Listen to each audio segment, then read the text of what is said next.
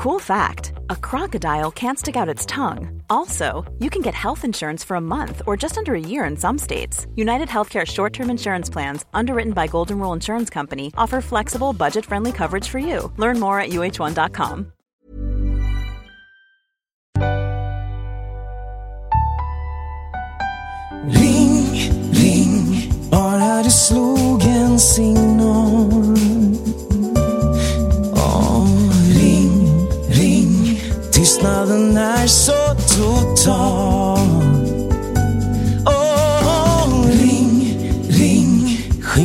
den oro som mal. Bara ring, ring, ja men kom så slå en signal. Välkomna tillbaka till Tuttovagnen. Ett program vars namn inte alls är inspirerat eh, av ett känt eh, SR-program av eh, rättighetsskäl, utan bara ett program från Tutto-studion där man får ringa in och prata om sina problem med oss. Idag ska vi prata om temat krasch. Som känt väl, det känns väldigt brett tycker jag. Men som vanligt, Josip Ladan. Eh, Rökig stämning hos dig. Det kan man säga. Det här är så nära rök jag har kommit på ett bra tag, så att det är rätt skönt. Jag har hört rykten om att eh, folk har sett dig röka sen du slutade röka. Men Eh, ja, ja, men det är ju inte permanent rökning. Liksom. Det får man ändå. Det finns, skill- det finns nyansskillnader, så att säga. eh, Kalle Nilsson är med som alltid. Ja, men det är, jag, fan, jag blir nyfiken på, vad, har du en topp tre rökningar där, där permanentrökning ingår? Alltså, per, min gräns för permanent rökning går när man börjar köpa sina egna paket. Det är ju liksom den ultimata gränsen. hatar mm, ju folk som bara jag har slutat röka så jag köper inte egna. Nej, ja, har blivit snål. Det makes, det, man har blivit snål och fattig. Men eh, sen så rör man sig ofta i kretsar där det är tillåtet att smunka, det vill säga att eh, snåla sig en cigg och bara liksom hooka den någonstans. Jag bara kom, framförallt i Malmökretsar. Hej man kan smunka en cigg. Ja, det får du. Så det är inga problem. Så att man har delat ut mycket, så man har mycket cigg att hämta igen. Om det skulle vara så, om det verkligen slår på. Du har, Så du har alltid varit en generös eh, bjudare på sig. Alltid. alltid. Jag, jag tror på att det kommer komma tillbaka till den. Men nu lever vi i inflationstider, så jag vet inte fan hur det blir med den saken framöver. Eh, Rutinerade lyssnare hör också en debutantröst i... eh, Så låter den. Exakt så låter den. Elinor Svensson, som som mig kommer från komiker och poddhållet. Jajamän. Men också från... Jag tänker att det är så himla bra att här har vi ju liksom väldigt högt och lågt. Roliga samtal och väldigt mörka samtal ibland. Mm. Du är ju också en av alla dessa mordpoddare. Ja, tack. Men du är, ja, du är väl en av, två, en av två poddar som liksom eh, har lyssnare och är bra. Sen tänker jag att det finns en miljard mordpoddar med två tjejer i Borås. Absolut. så. absolut. Så kan det vara. Ja, men exakt. Jag är komiker, poddare och true crime Gary. Och Mm. icke-binärig. Eh, Den som tryckte på den knappen var eh, Ingo. Hur mår du idag? Eh, jag mår bra. Tack. Tack. Ingo vill gärna inte vara med och prata helst. Okej, varför jag kan inte berätta? Nej, jag kan inte svenska. Så. Han kan inte svenska, nej. Det är den lilla detaljen.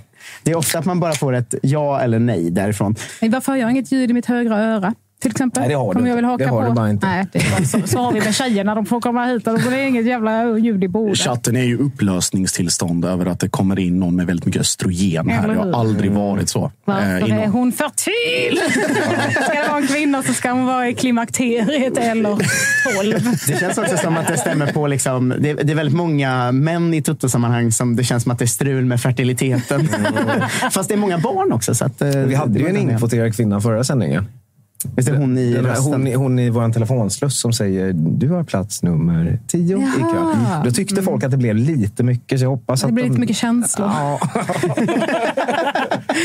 Okej, men om du kan fokusera på faktan här, Kristin. Eh, 010 88 99 100 ringer man om man vill eh, prata med oss. Eh, va- hur tolkar ni temat krasch? Vi pratar om att det kan vara ganska brett. Att det kan vara en bilkrasch man har varit i, men det kan också vara när man gick in i väggen eller eh, när man hade en eh, bender i tre dygn och vad som hände efter den. När man välte en fläkt i Tuttostudion. Det kan vara lite vad som helst. Eh, hur tolkar du det, Josip? Jag tolkar det. Jag är så tråkig, så jag, eller ganska anal, så jag tolkar det väl rätt boks, bokstavligt så på det sättet. Jag har ju jag har en krasch, eh, inte mental på något sätt, utan mer en fysisk krasch som jag kan berätta om lite senare. Eh, det, är, det är väl på det three day bender spåret. Det är alltså att när jag hade två timmars sömn på två dygn och eh, kraschade fullständigt efter detta. Men vi kan återkomma till det. Ganska bra story faktiskt. Vi, vi brukar försöka återkomma till våra lite eh, under programmets gång. Eh, Jag känner att jag har ganska lite. Hur tolkar du temat krasch, Elinor? Ja, men om, eh, först och främst bilolyckor, absolut. har jag varit i en och annan. Eh, En och annan. Ja. Det är fan... Det kan man inte höra ändå. Man bara, Jag var med om en bilolycka en gång. Man bara, nej, det har hänt ett par gånger. Ja, ja vem, vem har inte varit med i några sådana? Men om jag ska tänka ut, utanför det så tänker jag också väldigt mycket med de här onomatopoetiska orden. Så Nu tappar jag, du chatten direkt. Ja, nej, snälla, Du tappar Ingo framför allt.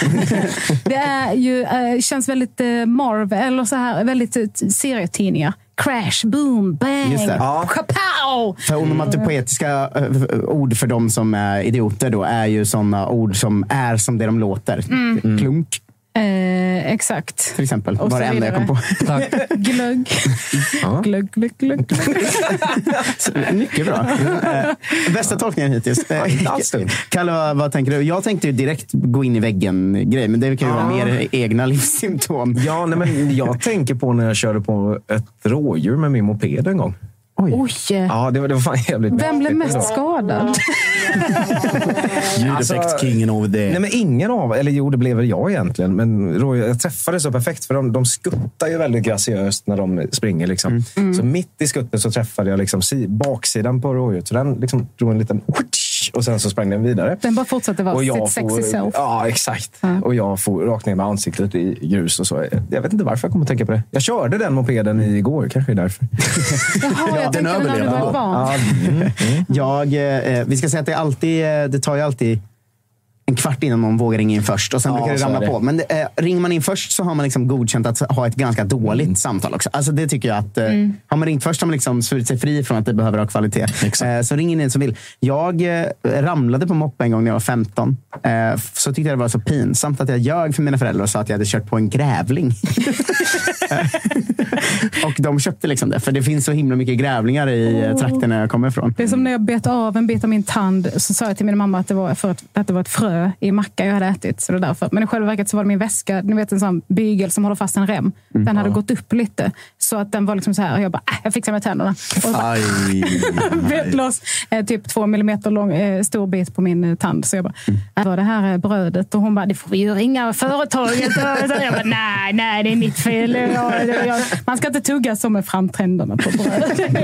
Jag är dum i huvudet. Eller, som, eller juggarna som alltid ska öppna öl, liksom, ölflaskor med tänderna för att leka lite ball. Det är inte bara juggarna. Det är alltså, fan, det är killar överlag. Ja, det är väldigt killar. Jag kan eh, falla dit ibland. Ja, kan jag tänka Ja. mig. Jag får panik när folk gör det. det för man, man vill inte se någon förstöra sina tänder. Det är ju Nej. taskigare mot dem som behöver se det än mot dig själv. En kompis farsa skulle leka lite häftigt på, på fyllan och göra exakt det där. Så hör man bara... Och de bara, ah, det var tanden. Och så säger farsan, nej, det var käken. Så det gick Så ni rakt av. behöver inte hålla på. Det var inte alls dumt av Rakt, mig. rakt av gick den bara. Skämtar du? Nej, nej, nej. bröt käken. Ja, Hur starka tänder har han? Dåren var ju packad också, så han tog ju liksom flaskan ganska långt in. Och bara, Men det är inte så så han den tänkte flög av här liksom i fästet. Nej, det var min ryggrad. Kan någon Det är bära. Det är bara ryggraden. kan någon bära ingen bort fara. mig? Jag är helt förlamad från halsen. Vi har vårt första samtal. Ja, det har vi. Men det tar vi väl eh, direkt såklart. Tutto-vagnen har du kommit till. Vem pratar vi med? Det var Marcus här. Hej Tjena, Marcus. Tjenare, Marcus. Hej. Eh, C eller K? Eh, se, ja, det finns bara se. Ja, mycket bra. Mycket bra. Eh, vad tänker du? Eller först och främst, var ringer du ifrån? Eh, Jag ringer från eh, Alingsås, men eh, måste ju då poängtera att jag inte är alingsåsare. Så jag vill inte bli anklagad för att vara det. Vad är du då? Är från Eskilstuna, men eh, Som att, Som att det var bättre. Det behöver vi inte prata om. Okej, okej. eh, vad tänker du på när vi säger krasch? Mm. Helt tänka på... Jag, var, jag har varit på en division 6 C-lagsmatch idag och sett Robin Söder spela fotboll. Det kändes som en livskrasch av Guds nåd att hamna här. Jag beklagar. jo, eh, verkligen. Men Eh, jävlar vad bra han var. Eh, Ja, var det alltså? Ja, det, alltså, det, det var typ som att läge nu när Mackan Berg lägger av, P10, P10 när föräldrarna mötte barnen. Det var lite den känslan. Han höll igen för att inte förnedra de andra. just det, Saletros i AIK. Ja, det, det är som Kalle, som Kalle sa nu, nu när Mackan Berg har slutat. Det är bara ringa Robin så får han kliva in där sista gången. Men eh, krasch... eh, Jag, hade, eller jag har en eh, bilkrasch slash familje halvdödssituation som jag tänkte på direkt. Usch då. Ja, vi börjar med mörkret här idag. Ja. Eh, berätta. Ja. Vi skulle ut och plocka svamp i skogen, jag, mi- min fru och två små barn. Och så vet vi att det bästa stället är mitt ute i skogen på en sån privat väg. Och där det är en sån sur gammal gubbjävel som typ ställer traktorer och sånt ibland att man inte kan köra in där. Men eh, vi tänkte att men, vi måste åt trappisarna så vi får köra. Och så hade det varit sånt jävla skyfall dagen innan. Så vi åkte in och parkerade och gömde bilen inne i skogen så inte gubben skulle komma och se den. Plockade svamp och sen så skulle vi gena genom skogen och körde över skogen på andra sidan. Så åkte man upp på så här skitsmå eh, grusvägar. Så kom vi till en ställe där det fanns en vändplats men det var liksom typ, bilen kunde precis köra och så var det som två skitstora vattendiken på vardera sida. Och så sa, så, så sa min uh, tjej att "Ja, men jag vill, jag vill inte att du kör. Du får gå ut och, jag får gå ut och liksom kolla att det inte är åt helvete för djupt. Liksom. Så jag drog ner rutan och så vi kom fram där så sa hon det går absolut inte att köra. Du får inte köra. Och då har jag med mig att hon har sagt till mig någon gång att jag är lite för obeslutsam. Att jag måste liksom ta för mig lite. Så då backar jag upp bilen Är det läge? och, ga- och gasar och med mina två barn i bilen och kör rätt ner i, en fy, i ett vattendike för typ två meter. Så bilen bara sjunker ner i vattnet. Jävlar. och bilen fylls med vatten. Nej. Jesus. Eh, Fy fan vad sa, läskigt! sa vi något om hur gamla barnen var? äh, vad fan var de? De var... Kan de ha varit sju och fem? Fan, då är de inte... Ja, du vet, Nej, lite mindre var de. De är tillräckligt gamla för att minnas det i alla fall. Ja. Och påminna mig. Och de är också så Mm. pass stora då så att de är lite så rent fysiskt svåra att hantera. Det är inte som ett litet, litet barn som du bara kan lyfta ut genom utan ett... Nej, Fan, det var ju värre med min fru. Hon var inte glad. Men hon är inte glad för att du tog för dig då? Just att medans bilen sjunker. Så himla fint att du börjar ta initiativ, Marcus. Eller att hon bara, vad gör du? Typiskt, typiskt män. Man ska äntligen, äntligen ta för sig, så får man skit för det. Du men- kan ju Men, aldrig bestämma det, det, var ändå tur, det var ändå tur i oturen. För jag körde ner bilen på vänster sida. Och där fastnade bilen så att vattnet kom bara upp till, liksom, eh, den var upp på till fönsterrutorna. Typ. Ja. Men hade, hade vi kört på andra sidan så hade bilen nog försvunnit ner. För det var typ träskmark och vatten. Jävlar. Åh, ja. Men, men sen kom den här jävla gubbkuken och var så jävla arg för att vi hade plockat svamp på hans marker när man stod med bilen under vatten. Och så fick vi ju lösa boxering därifrån på hans privata väg. Och de, ja, det, var, det var en krasch av Guds nåde. Och den bilen blev ju skrot. Men alla eh, klarade sig okej, för det var där jag satt och oroade mig eh, ganska Ja, rejält. du inledde med att säga halvdöd. någonting. Ja, exakt. Vilket jag tänkte så här, fan vänta nu. Ja, men jag, jag, man måste ju bygga lite tension och sen kommer man liksom till att det landar. Här är du stark, Marcus. Och min fru, fru sa det, må hon vila i frid. Nej, men fan, Ja, fan. fan vad skönt att det gick bra för alla. Men det är också väldigt mycket en sån typ av gubbe att komma ut och så här. Det sitter två små barn i liksom en bil som håller på att sjunka och vara så. Varför i helvete har ni plockat min svamp?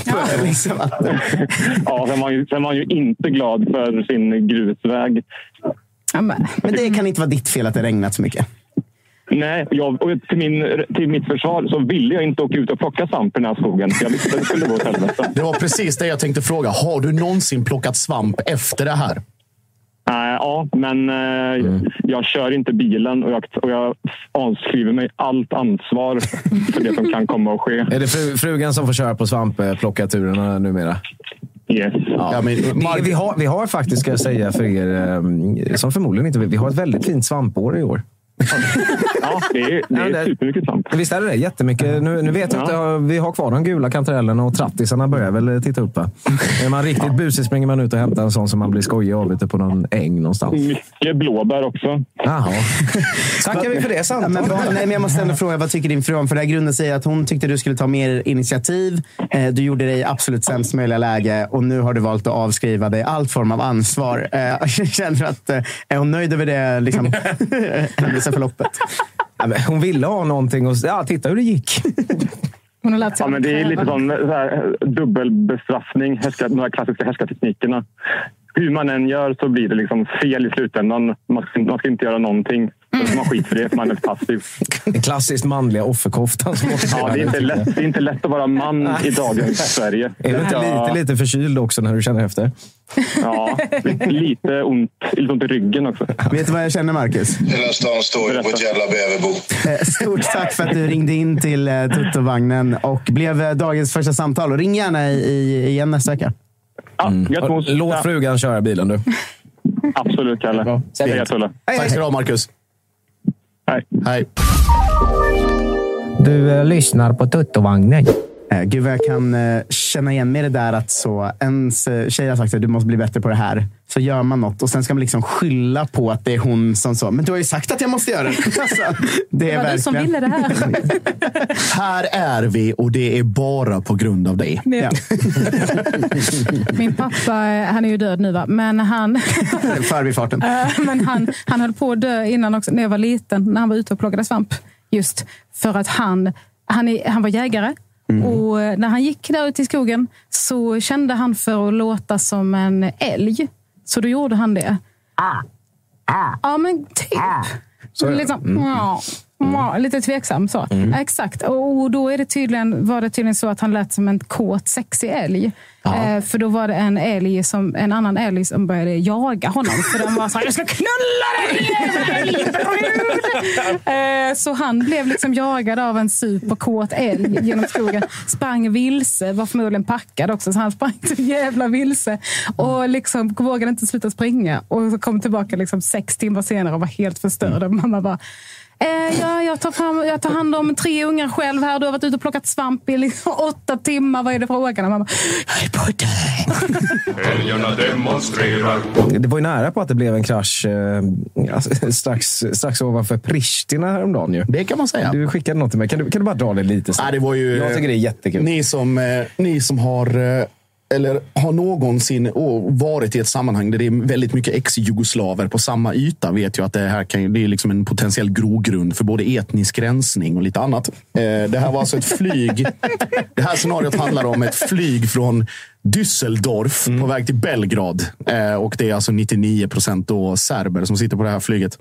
Eh, och Det är ganska svåra väderförhållanden på Nikola Tesla International Airport i Belgrad. Eh, varpå det här Eurowings-flyget får då kommandot från eh, trafikledningen i Belgrad att de dirigerar om dem till Pristina. Det vill säga huvudstaden i Kosovo. Ja. Och Fan att jag inte sa det. Jag visste det. Och jag var så stolt över att jag Ja, visste det. Men, Och ja. eh, det här eh, det här tas ju emot sådär av passagerarna. Så jag ska försöka att återskapa det liksom som potentiellt sett skulle kunna ha hänt där inne. Uh, ladies and gentlemen, this is your captain speaking. Uh, unfortunately, there are uh, terrible weather conditions at Belgrade Air International Airport right now, so we will have to redirect the flight and we will land in Pristina in about approximately 45 minutes. Och alltså, den etniska spänningen kom alltså direkt. Och den här tweeten som jag skickade då till Kalle, där formuleringen var då med hashtag Eurowings, hashtag flygnummer och allting, var också att the cabin crew feared riots on board the plane. Så, det var också jävligt ball för att det är också så här mycket, mycket liksom propaganda från det serbiska hållet. Då, att liksom Kosovo är Serbien och det är vårt. Men när de ska landa, absolut inte. Nej, men du vet att de bara ge mig till vädersmatter. Jag ska landa i Vem Belgrad. har den åskväder? Ge mig Majko. Jag har den med någonting. Ja, hallå, jag ska landa där. Det är bestämt. Jag har taxi till Banja Luka. Jag har väntar. Jag ska till Niš nu om 40 minuter. Vad är den? Så att det är liksom, det är hela den vibben. Så att, eh, den som, jag kan ju rekommendera folk att flyga med Wizz Air, varför man nu skulle vilja göra det. Eh, för att få det, liksom, den hela kulturella och den liksom, aromatiska upplevelsen också. Det är en extra detalj.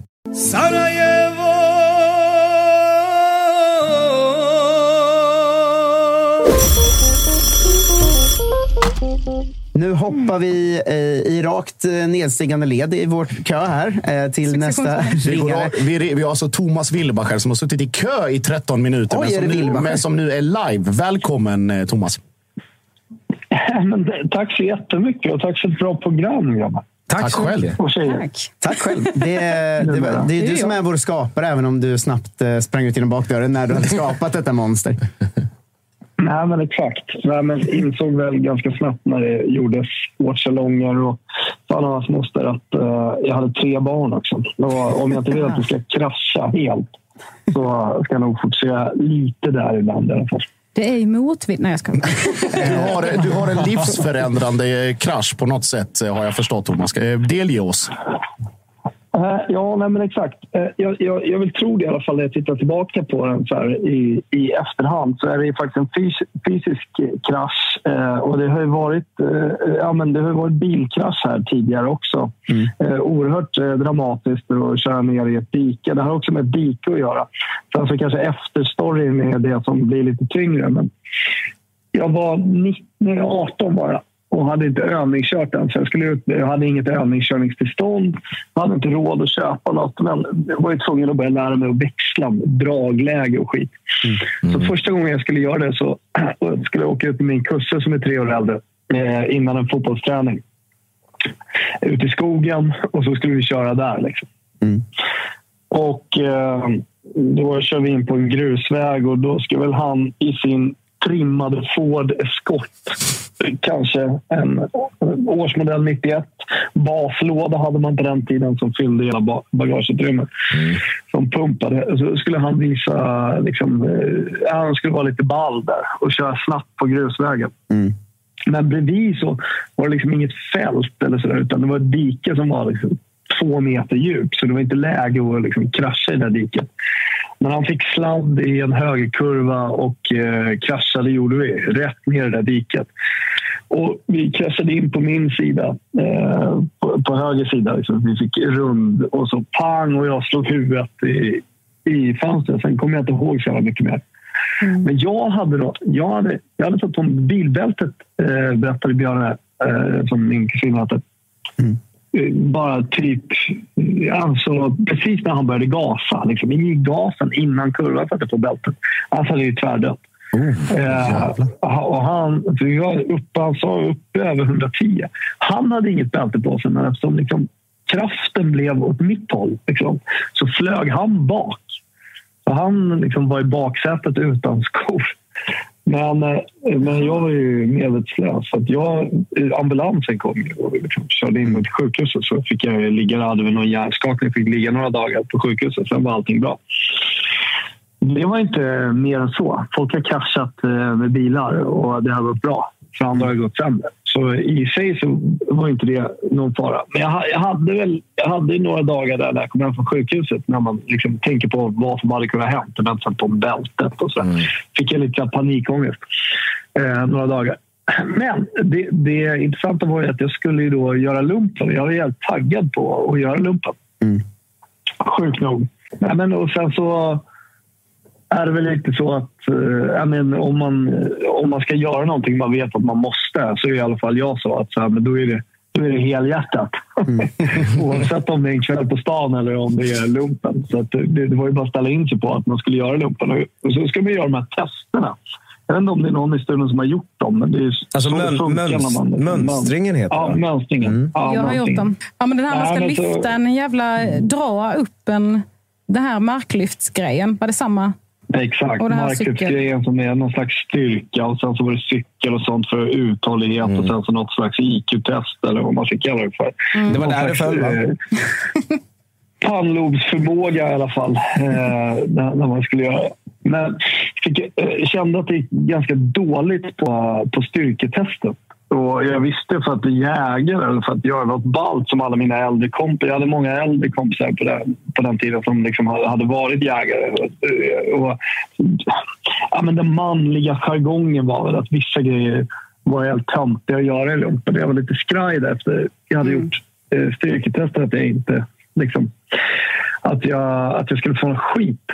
Mm. Så jag bestämde mig, det var två dagar, så jag bestämde mig efter dag ett att äh, det här jag ska nog försöka slippa. Och då hade man ju hört en massa historier om eh, folk som hade suttit hos den här psykologen och eh, ja, men, du vet, hållit ett trägevär åt fel håll eller ja, men, ljugit på olika sätt. Jag hade ju faktiskt haft dödsångest och sådär, eh, under några dagar efter den här bilkraschen. Så jag gick bara in till henne och berättade om bilkraschen, om hur jag hade mått och jag vet inte hur det blir framåt. Kanske kryddade det lite, det gör man väl alltid. Men det var ändå en sann historia. Sådär. Jag, jag, jag ljög ju liksom inte för det. Men det, men, eh, nej, men det ledde till att hon rekommenderade mig att inte göra lumpen så jag slapp. Och då hade jag svarat att jag inte ville. Och eh, eh, då, då blev det liksom ändrade planer på något sätt. För det, lumpen är ett år. Vad fan ska jag göra nu? Jag, var inte, jag var inte redo att plugga vidare. Jag var väldigt skoltrött. Eh, Jag hade jobbat sedan jag var 15, massa olika grejer. Men det var ändå så här, vad fan ska jag göra nu? Så då, då jobbade jag i nio månader och sparade ihop alla pengar. Och sen så eh, åkte jag jorden runt istället. Så jag, jag bara tänkte på om den här bilkraschen inte hade hänt. Alltså det hade, den här jorden runt-resan kommer ju att prägla mig som person och hela mitt liv sen efter. Jag flyttade inte hem.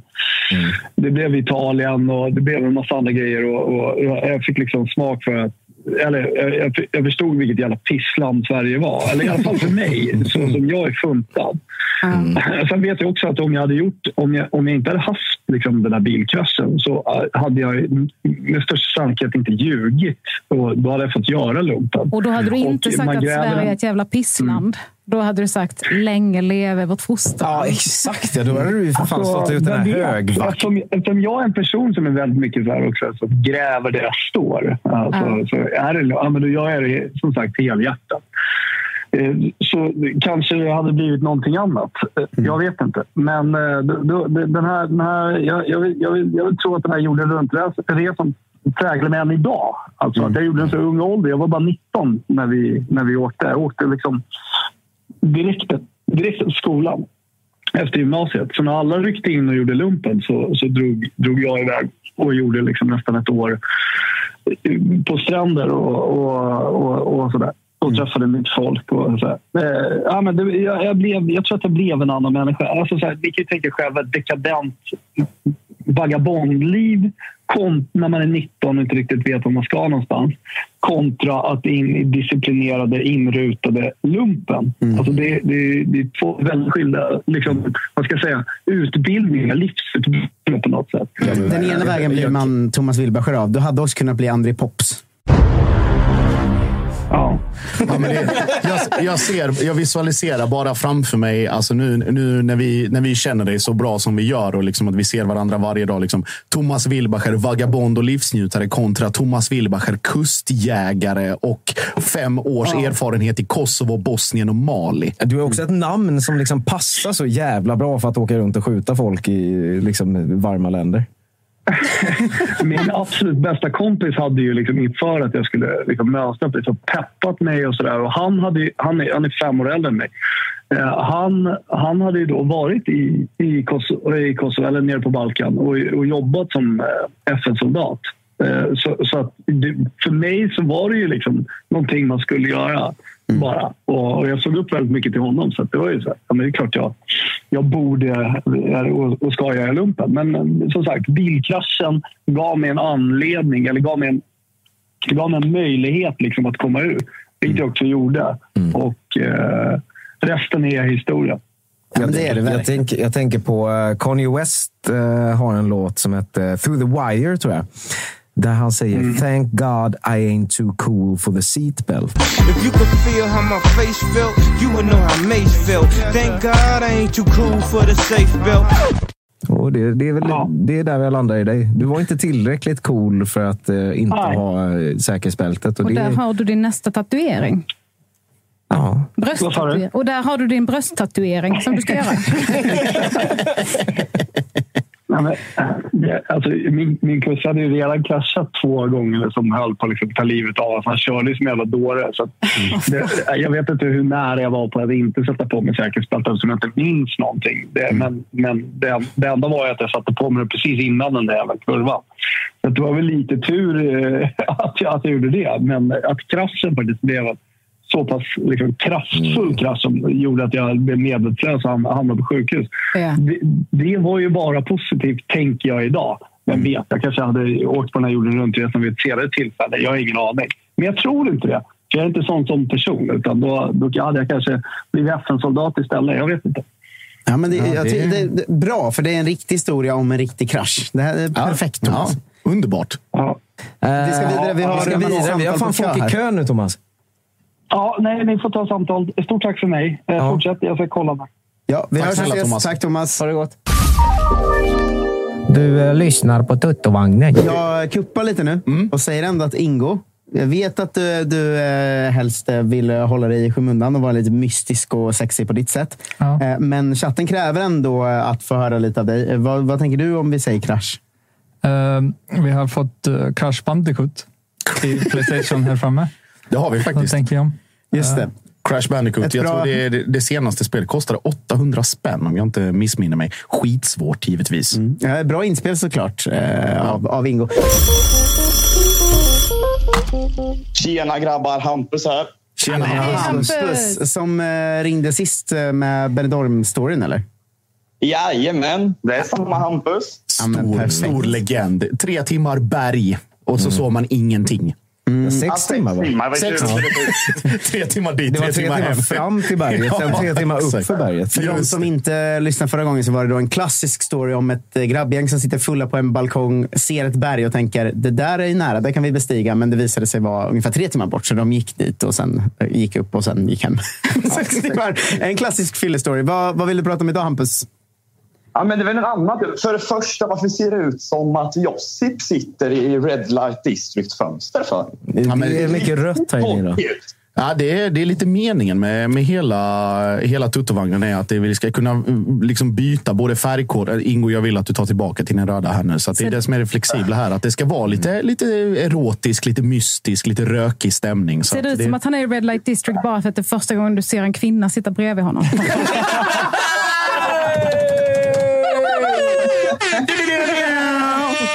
Sagt också? Ja, mycket bra. Tillbaka till verkligheten, Hampus. Ja, bortsett från att jag sitter i Red Light District. Vad tänker du på när vi tänker på krasch? Ja, men då är det mer en personlig krasch. Eh, från, ja, det är också en fylleberättelse. Yes. Där är du stark. Där är jag stark. Nej, men det var när jag vaknade upp. Eh, hade fått en total blackout-fylla. Eh, och vaknade upp i fyllecell utan någonting. Alltså kläder hade du? Eh, nej. jag hade kalsonger. Du vaknade Du hade kalsonger? Ja, Du eh, vaknade upp jag vaknar av... Jag minns ingenting. Jag minns kvällen som var. Eh, små in på ja, runt 11 på kvällen. Mm. Sen minns jag ingenting mer. Eh, vaknar upp av att poliserna väcker mig i fyllecellen. Och då står de och knackar på dig när du ligger där i dina liksom, gulblommiga Frank Dandys med lite hål i, i, i, i, kring pelvis. Och, nej, fy Ger fan. pungen för hålet är så stort i kalsongerna. Men, men Alltså, jag bara vill- på din röst så tog jag det för givet att du hade hål ungefär där någonstans. Men jag vill, eh, jag vill ändå vara den som backar bandet och eh, ta, ta oss fram till elva kvällen innan. då. Alltså det sista du minns där. Vad var det för fest? Börja med var vad det för... första som hände på kvällen. Att vi, hade bord, vi hade bord på Hugos i Norrköping. Oh. Eh, ja, det var lite så. Jag var 18. Mm. Eh, på Hugos är det egentligen 20-årsgräns, men vi löste det där. Fan, nu jävla grabbar ska vi ha kul. Mm. Finkalsongerna Eh, på, nu eh, kör vi för fan! Fan, det är de med minsta hålet. Nej, och, eh, nej, men det var bara jävla slirigt. Problemet är att jag minns inte när det vart som värst. Shottade ni? Eh, oh ja. Jo. Fan, Är påven pedofiler? Ja, men det var... Eh, Nej, men då, när, då när de väcker mig så säger de att eh, jag har ju inte haft någonting med polisen någonting att göra innan. Så jag har varit lite så, hopp, fan vad har jag gjort för något? Free min broder. Eh, Och då var det, då sa de bara, nej du har inte gjort någonting. Du är bara lite, varit för berusad. Ja, men svinskönt. Men du ska få dina tillhörigheter. Jag tänkte yes! Gud vad skönt. Då, då hade jag alla mina grejer. Jag fick, De har jag bara fick mina jeans. Och, Vänta. Fortsätt. Jag fick mina jeans och jag fick mitt pass. För att jag redan stuckit bort lägget. Så, in, så ingen tröja, ingenting? Nej, eh, och då tänkte jag, vad fan, vad, vad, vad har hänt? De bara, nej men vi kan läsa i journalen när vi plockar dig. Eh, jag bara, gärna. Då hade jag stått utanför Pressbyrån i Norrköping i bara byxorna och skulle köpa snus. Eh, problemet var att Pressbyrån hade stängt så jag hade stått och försökt dra upp skjutdörrarna. No shirt, no service. Vänta, så de hittade dig, du stod i bara jeans och försökte bryta dig in på Espressobyrån för att köpa, köpa snus? Ja, men jag, de det ju inte som att ett inbrottsförsök. För jag var så snäll och trevlig när de väl plockade mig. För de märkte att jag bara ville köpa snus. Men det är något som inte adds up här. Varför slet snutarna av dig jeansen när du kom fram till stationen? För? Det undrar jag också. Jag, jag har en teori. Jag har en Jag vill teori. inte veta den teorin. Ja, nej, jo, det är, det är för att de, de tänkte, de här eh, Norrköpingspoliserna. Alltså, är det möjligt att det är så stort hål där? Kan man gå runt i så stora hål? Är det möjligt överhuvudtaget? Eh, Jag ber för, Hampus, jag får be om ursäkt om de andras, över de andras imitationer av östgötska. För både du och jag hör ju Ja, att det är katastrof. fruktansvärt eh, dålig. Ja, Den är så fruktansvärt dålig.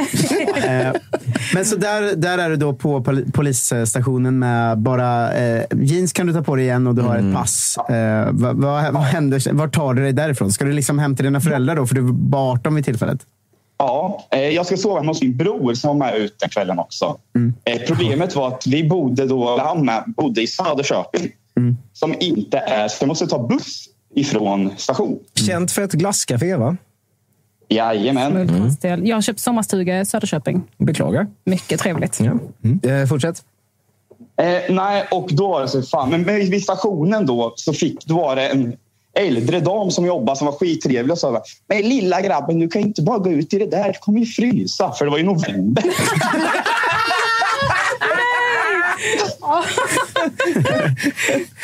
och ingen jacka och ingen Hade du inga skor heller?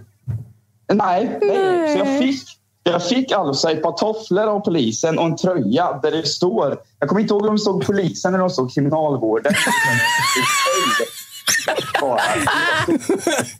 Så du, så du ser ut som att du har rymt från någon jävla öppen anstalt när du ger ut dig. Bar Uber och ett par jävla snuttofflor. Och börjar slita i Pressbyrån-dörren igen så fort du kommer ut. Fan, snuset var ju fortfarande slut. och det är så här, då tänkte jag, vilken jävla busschaufför kommer släppa på mig när jag ser ut så här när jag inte kan betala för bussen? Då var jag, ett riktigt helvete. Men då träffade jag en gammal kompis som jag hade gått i lågstadiet med. Så ni inte haft någon-. Var det ändå att eh, den här gamla kompisen började fråga så? Hur går det? Nej, jag behöver inte kolla hur det går för honom nu. Liksom. Eller hur, hur mottogs du av det den här? liksom, Men Hampus, hur, hur, hur mår du? Vad har hänt med dig sen jag såg dig sist? Jag bara, du, det är inte som det ser ut. Kan du bara betala min bussbiljett och swisha dig så fort jag har en ny telefon? Det är inte som det ser ut. Det står kriminalvården på tofflorna och du irrar runt där. Det är roligt Luktar att starksprit. de två meningarna sitter liksom inte ihop riktigt. Det är inte som det ser ut. Kan du bara betala min bussbiljett?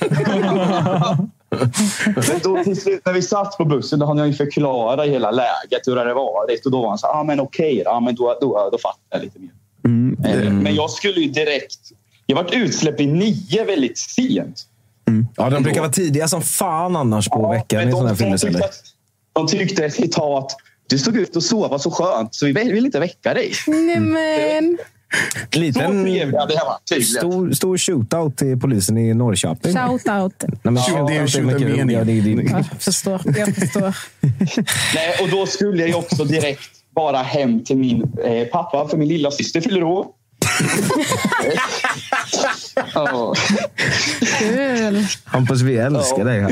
Fick du, eh, hann du fixa något eller fick du glida in på lillasysters kalas Nej, men i jag, kriminalvården? jag, jag, jag var ju tvungen att gå hem till brorsan och låna kläder av han. För, jag, jag kunde inte, för att min pappa är ju då också gammal alkoholist och har varit nykter i 30 år och är idag alkohol och drogterapeut. Jag trodde precis att du skulle säga att han var snut. Nej, nej, men det är fan inte långt därifrån när det kommer till hans syn på alkohol. Ah. Mm, mm. Och då var jag så här direkt. Och jag bara, "Åh, okej, kul. Det är skönt. Inga föräldrar har fått veta om vad som har hänt. Mm. Jo, tro mig. För då hade min bror på senare på kvällen när jag bara hade försvunnit ringt till min dåvarande flickvän och frågat vart fan är Hampus? Och att hon svarar, ja men han är ju med dig. Vad som snackar de? Och då hade hon också hört av sig till hela jävla familjen. Så det hade blivit. Men de hade inte fått reda på exakt vad som hade hänt. Nej, För det är ingen som vet. De vet bara att de hade sett mig på Hugo och sen var jag helt plötsligt borta. Just det. Du hade du kunnat säga jag har varit otrogen. det, det, är ett helt annat helvete man måste ställa sig inför då. Ja, I mitt huvud så... det- jag, när ni sa det här, när, när du sa att eh, min pappa är också... eh, Jag bara målade upp så många olika scenarier där innan du fortsatte den meningen. att så här, Han har också aldrig t-shirt på sig och han, han var och satt i cellen bredvid. Eller liksom. Det var så mycket på gång. Men det var ju nästan det sämsta tänkbara då. Att han, att han hatar folk som eh, är som du. Alltså, nu, nu får man, nu tar det i va. Så illa är det som det låter. Det här är inte varje helg, det är varannan som ser ut så här. Ja, Och precis. så bilar ibland också. Skönt att höra. Ja, men du har ju ringt in två veckor i rad med jävla kanonfylle-stories här tycker jag.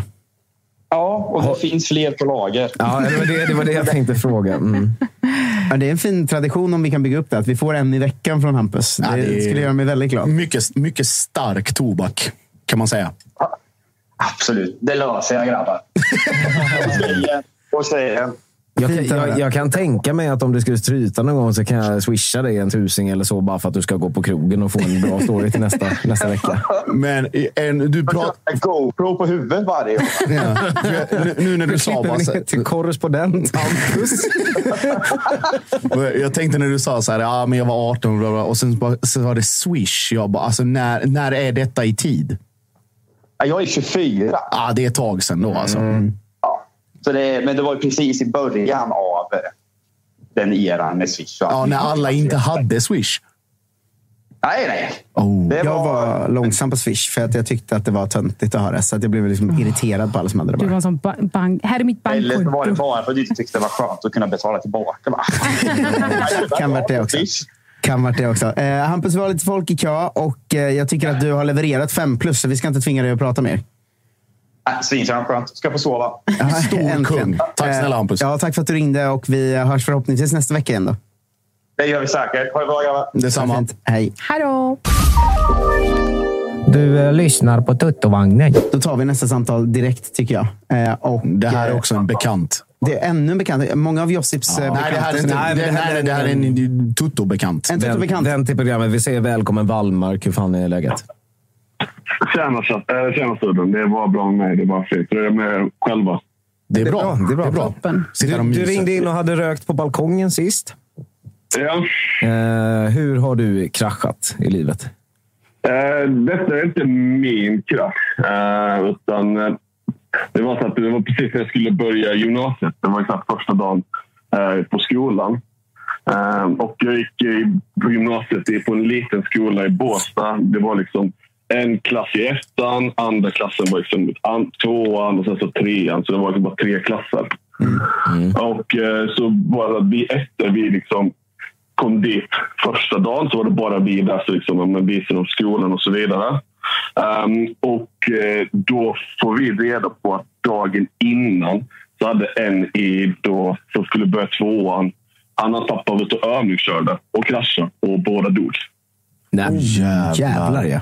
Ja, Helvete. Det var, det var en start på gymnasiet. Liksom vi, vi ett, liksom, ingen kände honom och vi var liksom glada, taggade. Vi ska liksom börja gymnasiet, vi ska bli stora. Och sen så bara... ah. Så att det var eh, tryckt stämning då när de andra klasserna kom tillbaka. I, jag tänker att i den bästa av världar är det också så att när man börjar gymnasiet så är det ganska många som inte haft någon kontakt med döden heller. Alltså att när man är 15-16 där, det kan ju vara så att man, man faktiskt har haft en turen att slippa uppleva det. Liksom. Ja. Nej, fan, vilken, vilken start alltså. Ja, det var... Det var, det var och liksom, för, för oss, eller jag kan bara prata för mig, det var liksom svårt när man fick liksom, om man reagera. Jag kände inte den här personen, men liksom, han var, liksom, som vi har förstått det, liksom, en populär elev. Så liksom alla alla liksom kände honom, alla gillade honom. Och så här, liksom, precis liksom, dagen innan liksom, när de skulle börja så bara, nej, nu finns inte han mer. Ja, fy fan vilket mörker alltså. Ja, vad hemskt. Ja, men vad konstigt, jag, jag fattar vad du menar med det här att jag kände inte den här personen men nu eh, är det här mörkret blir en del av mitt liv också. På ett, det är en väldigt konstig situation. Just när, också som sagt när man är 15-16, man är väl inte van vid att hantera sådana situationer överhuvudtaget. Nej, eller, precis. Nej, precis. Så skulle man se fram emot så här nollning, så här glad stämning. Så det blev bara nej. Stor blöt filt över det hela. Men liksom, ja. Och det var också i, Det var- i den typen av eh, samhälle så att alla visste vilka alla var. Alla kände varandra lite grann och så, eller? Ja, nej, men precis. Alltså, Båstad är en, Båstad är en liten, liten så här, Bjäre som det, som det gäller. Är ju, ett, det är litet. Men Det är egentligen det är typ första gången jag har hört om en sån allvarlig olycka med någon som övningskör. Och det är lite konstigt nästan. Att man kör bil utan att kunna köra bil, men så är det sällan någonting händer. Men, Ja. men eh, Min polare körde ju diket på sin uppkörning. Åh, Men det är jävlar. liksom, ja. Ja, men då, då, ja. Och, och sen så liksom, eller så här, han körde i, och det var inte så farligt heller, men det var typ så här, nej, det var mycket snö så vi får inte upp bilen igen. ja. Står man där och, sen- väntar nej, på bärgare och ja, så, men du blir det någon körkort eller? Nej, nej, nej, men du vet, de satt ju i bilen för det var ju kallt som fan. Och sen när de hade suttit där ett tag så han bara, ska jag bara, du får boka en ny tid. ja. Nej, men eh, det var något annat. Men det, nej, fy fan vad hemskt. Eh, Jag kommer att tänka på just eh, när jag var ungefär i samma ålder så eh, liknande, liknande historia från lilla staden där jag kommer ifrån så var det, det hade varit en eh, fest någonstans ute på landet. Eh, och en vän till mig var där. Eh, vi hade hängt en del, liksom ett gäng under sommaren och sen så hade hon varit på den här festen och eh, någon kille fick för sig att köra bil. Eh, 15 år gammal, de skulle åka och hämta något. Och, eh, så de satte sig där och eh, på vägen så, eh, ja, enligt vad, enligt vad som man har hört, då, så kom det en grävling och det svängde och han eh, for ner diket. Han klarade sig och eh, tjejen som satt passagerare gick bort. Och hon var, ja, så det, nej. Och det, Fan, det, det- det, jag tror att vi har många föräldrar- skakar verkligen. till små... Det har vi märkt att vi har många föräldrar till barn som är så tre, och fem och sju och sånt som tittar. Lås garaget med fucking hänglås som inte går att ta bort på något sätt när era barn är 15-16. För jag har, vet också många som eh, eh, festkörde en bil liksom, som 15-16-åringar. Någon som krockade som sen inte fick ta körkort förrän han blev 25. Det hände inget allvarligt. Liksom. Men fulla, fulla 16-åringar fattar inte. Alltså, de har inget, ingen hjärna överhuvudtaget. Lås garaget ordentligt. Alltså. Ja. Nu var inte det din- din story handlade om, men vi, men vi hamnade där. ändå. Nej, men jag, jag, min syster gjorde liknande. Det var att eh, också, hon hade varit ute i Båstad och festat. Hon sa att hon var nykter. Så hon, skulle, så hon körde hem. Sa att hon så kom en, ett rådjur över vägen så hon svängde av så hon hamnade i diket. Jag har alltid inte trott på den historien. Ja, men, men min syster är alltså en duktig tjej. eh, Så att klart mina föräldrar trodde på den historien. Men jag, jag har alltid varit ytterst tveksam till om så verkligen eh, var fallet. Fan, det där är störigt. eh, Och lite, lite kul när ens eh, lilla syster som är liksom duktig fuckar upp på det där. Så jag, för jag hade exakt. Jag precis hade flyttat till Norge, som jag har nämnt innan idag. Eh, Då så fick jag ett mess från en kompis som bor i liksom Boxholm, som är så här fyra mil från där jag kommer ifrån. Liksom. Som hörde av sig så. Känt för, känt för osten, ja. Ja, Jajamän, men han hörde av sig så. Är du hemma på festen ikväll eller? Legendariskt, typ. Och jag var så här.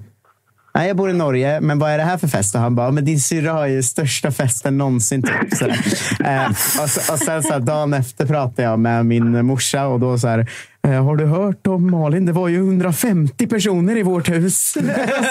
och det är ju ett litet jävla radhus. Liksom. Så grannarna bor ju vägg i vägg, men också att min syrra då hävdade att så, jag hade bara bjudit 20 pers, men det måste ha spridit sig på Facebook. För det var ju nytt då att saker spred sig på Facebook. Så jag vet, så här, jag bara, varför har jag hört? ja, men det var verkligen Lite, det. lite, lite som uh, Toto-svenskans uppdateringar. De sprids friskt på min Facebook. Eh, Men då under den festen så hade liksom tre fönsterrutor var utblåsta, någon dörr var sönderslagen, polisen hade ju kommit vid liksom midnatt och allt hade gått åt helvete. Men då njöt jag så mycket av det. Eh, Jag satt i Norge och tänkte, nu får de skäll den jäveln. En mycket bra story, Wallmark. Ja, det var det. det, var det. Eh, Ha det så bra. Boys and girls. Detsamma. Samma. Vi hörs. Hej. Tja. Kön rullar på. Vi hoppar bara vidare. Jag tycker det är så himla, himla Ja, vi kör, trevligt. Kör en vignett först. Du eh, lyssnar på Tuttovagnen. Nu har vi ett till samtal med oss. Välkommen till Tuttovagnen. Vem pratar vi med? Ja, det var Tony det här. Tjena Tommy. Eh, Tjena, tjena. Vart ringer du ifrån? Jag ringer från Gävle, från en telefon. Från Gävle, från en telefon. Ja, du hade både ett namn och en dialekt som skvallrade om att det var norrut ifrån. Jaså? Ja, och du är ju grym på dialekter, det såg jag förra gången. Jävlar. En råsåg. Jag trodde först att de du pratade med var lite så här, fan snackar vadå dialekt? Men du överraskar mig där kan jag säga. Mer än Kalmar. Ja, tack, tack ska du ha. Kalle, vi har ingen Du, aning vad som händer just nu. Jag, jag, Vi vet jag, inte om det är en jag burn tänk- eller inte. Nej, jag vet inte heller, men jag tänkte fråga Tommy, vad, vad gör du ikväll för någonting? Ja, eh, faktiskt är det så här att eh, jag satt här på soffan, hade kommit hem, bort på stan, fastnat, köpte lite kläder. Ja, en sån här riktig jävla kraschdag. Och så nu, nu slog jag på tvn och jag slår alltid på Youtube och då stod det så här Tuttovagnen live, krasch stod det bara. Så att, jag vet inte om krasch var ämnet eller inte. Och krasch, då tänkte jag att då måste jag ringa för jag har många krascher. Eh, perfekt ju, för krasch är dagens ämne och eh, jag, jag tycker bara vi säger take it away. Berätta för oss. Ja, men jag tänkte vilken krasch ska man ta då? Nu hade jag ju kraschat i soffan och bara vaknat till till er. Nej, men, Ta, ta en eh, annan. Var den igår i fall? jag har ju, jag har ju faktiskt... Eh, vad, vad, har det dragits för krascher? Då? Har det varit om livet eller eh, bilar? Eller, för jag har både och. Har det har faktiskt varit eh, både och. Det har varit några ja. bilkrasch-stories eh, och det har varit eh, en lång om att, ett liv som håller på att halvkraschar just nu. Eh, och eh, ja, men lite olika. Så jag tycker bara berätta det du känner för att prata om bara. Ja, men jag är ganska rak och ärlig människa nu för tiden. Det var jag inte förr. men vi kan börja så här då. 2015 Mm. Eh, ja, det här är egentligen ingenting så som jag brukar berätta om, men eh, det gör jag ändå. Vi berättar det... inte det vidare för någon. Nej. Vad sa, vad sa, du? Vi kommer inte berätta det vidare för någon. Nej, precis. det, det kommer ingenstans. eh, nej, men det, det, är ingen fara så. Nej, men, eh, för att kollar man på den totala kraschen med liv och allt sånt där också så hör det här ihop. Men 2015 i alla fall, då hade jag, jag jobbade som säljare, hade bytt jobb, har två barn, eh, hade sambo, bilkörkort, ja men allting liksom eh, laglig. Eh, lite busig när man var yngre, men ja, laglig som vuxen. Eh, så jag har varit och skaffat nytt jobb, eh, skrivit på avtal, fått en fast lön på eh, 30 000 och så skulle jag få provision. Alltså det kunde liksom inte bli bättre. Eh, och så eh, en kvart senare när jag är på väg hem eh, så åker jag på en huvudled i Gävle. Det här går att googla. Liksom, eh, barnvagnskrasch i Gävle. Liksom. Ja, och det är inte så jättevanligt. Eh, och det är ganska mycket saker runt omkring det här, så här som eh, inte stämmer. Jag har varit aldrig misstänkt för någonting och jag gjorde inget fel. Det var ju skönt det. För att, men det var så här i alla fall. Då kommer jag och kör det värsta trafikstoppet så här, eh, på en huvudled. Eh, man kan inte köra mer än 50. Det är precis efter polishusen. Ja, du är inne i Eh, centrala Gävle där. Ja, precis. Eh, längs med järnvägen. Ja. Ja. Eh, så att det är väldigt centralt, eh, mittemot polishusen. Eh, så är det någonting som heter Gamla postterminalen. Där har det funnits ett övergångsställ för många, många år sedan. Men det var heller inte där det hände, utan det här hände ja, 40-tal meter längre bort där det är eh, tre decimeters trottoarstenar. Det betyder ju att det här är en huvudled, här ska man inte gå varken upp eller ner. Eh, Så förklarar räddningstjänsten att det här är här får man inte gå ut liksom, med en barnvagn. Absolut inte. Men det sjuka är att eh, när jag kommer där så på vänster sida står det fyra, fem stycken. Eh, och det är bara killar. Jag ser ingenting annat. Sen helt plötsligt när de ser min bil, då kommer det de står som i en ring. Så att helt plötsligt då kommer det ut en barnvagn, eh, en kvinna och går diagonalt rakt över och har ögonkontakt med mig hela vägen. Så det här är liksom en så här jättehemsk grej. Men jag, jag brukar se det så här, när folk säger shit vad hemskt. Ja, jo, det är klart det var hemskt. Men för mig, hade, hade det där varit på ett övergångsställe om man kraschar med en barnvagn och då hade det liksom blivit mitt fel. Då hade det ju liksom förmodligen känts på ett helt annat sätt. Men eh, det här var ändå kaos. Eh, för det som hände i alla fall, jag eh, åker i en XC60. Eh, Och instinkten säger ju, eller kolla vad har jag bakom mig? För jag kan inte bara tvärnita. Nej, nej. Eh, För då får jag ju liksom långtradare och då blir det en stor olycka. Så att jag åker upp på... eh, Så jag ligger med halva bilen uppe i eh, vägrenen på väg över till cykelbanan kan man säga. Då. Eh, Och kör på där. Och hon fortsätter diagonalt upp så att hon går ju alltså över... Hon står på sidan som är motsatt riktning för mig. Så att det är inte på samma sida som jag kommer på som hon kommer ifrån. Förstår ni? Hon kommer alltså från vänster och jag ligger i högerfilen. Så att du måste ju ändå gå över ett, två olika körfält innan det här ens blir möjligt att bli en olycka. Så hela mitt, mitt mötande körfält, de har ju redan stannat. De står ju helt still för de ser ju vad det är som håller på att hända. Så hon har ju chans att stanna. Nej, men jag, jag åker upp här och ligger här på um, halvt på trottoaren. För det är stora ekar där så jag kan inte heller bränna upp på cykelbanan. Eh, och gör jag det, ja men då kör jag ju på någon annan förmodligen. Men när det väl sen eh, smäller, då har, har jag åkt väldigt långt där uppe och det är spår efter mig. Plus att eh, XC60 den bromsar ju om du har någonting framför dig. Ja, här automatisk broms. Ja, exakt. Så att när jag står på bromsen, då känner jag står ju nästan upp med hela kroppen. Så jag känner liksom, shit vad är det som händer? Det är ju som att någon annan också bromsar. Men eh, den här vagnen skulle eh, envist eh, ville den att jag skulle köra på den på något sätt. Det är exakt så jag känner. Det står, står på Flashback och alla som har sett det och så också. Men det så sjuka i alla fall eh, med den här kraschen då, det är att det blir en krasch efter den här långa processen. Eh, och i min värld, det är liksom så här, jag är precis på väg att ska åka och hämta mina barn på dagis några hundra meter bort. Eh, Jag har inte en tanke på en krascha med en barnvagn. Liksom. Men så jag tänker så här, okej, när det väl tar tag i den här vagnen, då låter det en hög smäll inne i bilen. Tänk er att ni har lock i öronen, det bara knäpper till. Så, och så vickar vagnen. Och då tänker jag, ja fan, det här är ju kört. Fast den måste ju överleva. Liksom. Det är en så här liggvagn, det är en bebis. Det är mm. ett spädbarn. Eh, och så tänkte jag direkt så bara, ja, jag kliva ur eh, och ringer till två. Och så tänkte jag, nu kommer de där killarna slå ihjäl mig. Det var det första jag tänkte. Var, de i, var det samma sällskap på något vis? Ja, eller? det måste ha varit samma sällskap. Men de påstår ju efteråt att de inte känner varandra. Men det var ju de som stod och täckte den här kvinnan och vagnen. För hon fanns ju inte först. Och så säger ju vittnen och sådär också. Det här låter Konstigt väldigt, väldigt konstigt allting. Ja, ja det, det var väldigt bra. konstigt och är väldigt konstigt. Och, men det blir ändå så helt sjukt. För det sjuka i det här det är att det ligger en unge där inne.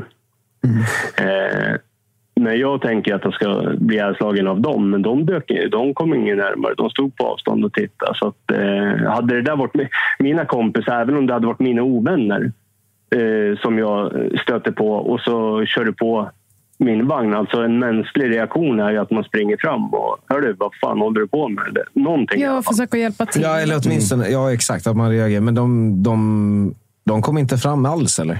Nej, nej, nej. nej de stod på avstånd, liksom, eh, kanske 40-50 meter bort. Men, men den, Eh, här, den här kvinnan som körde vagnen, Ja. hur eh, reagerade hon? Eller vad?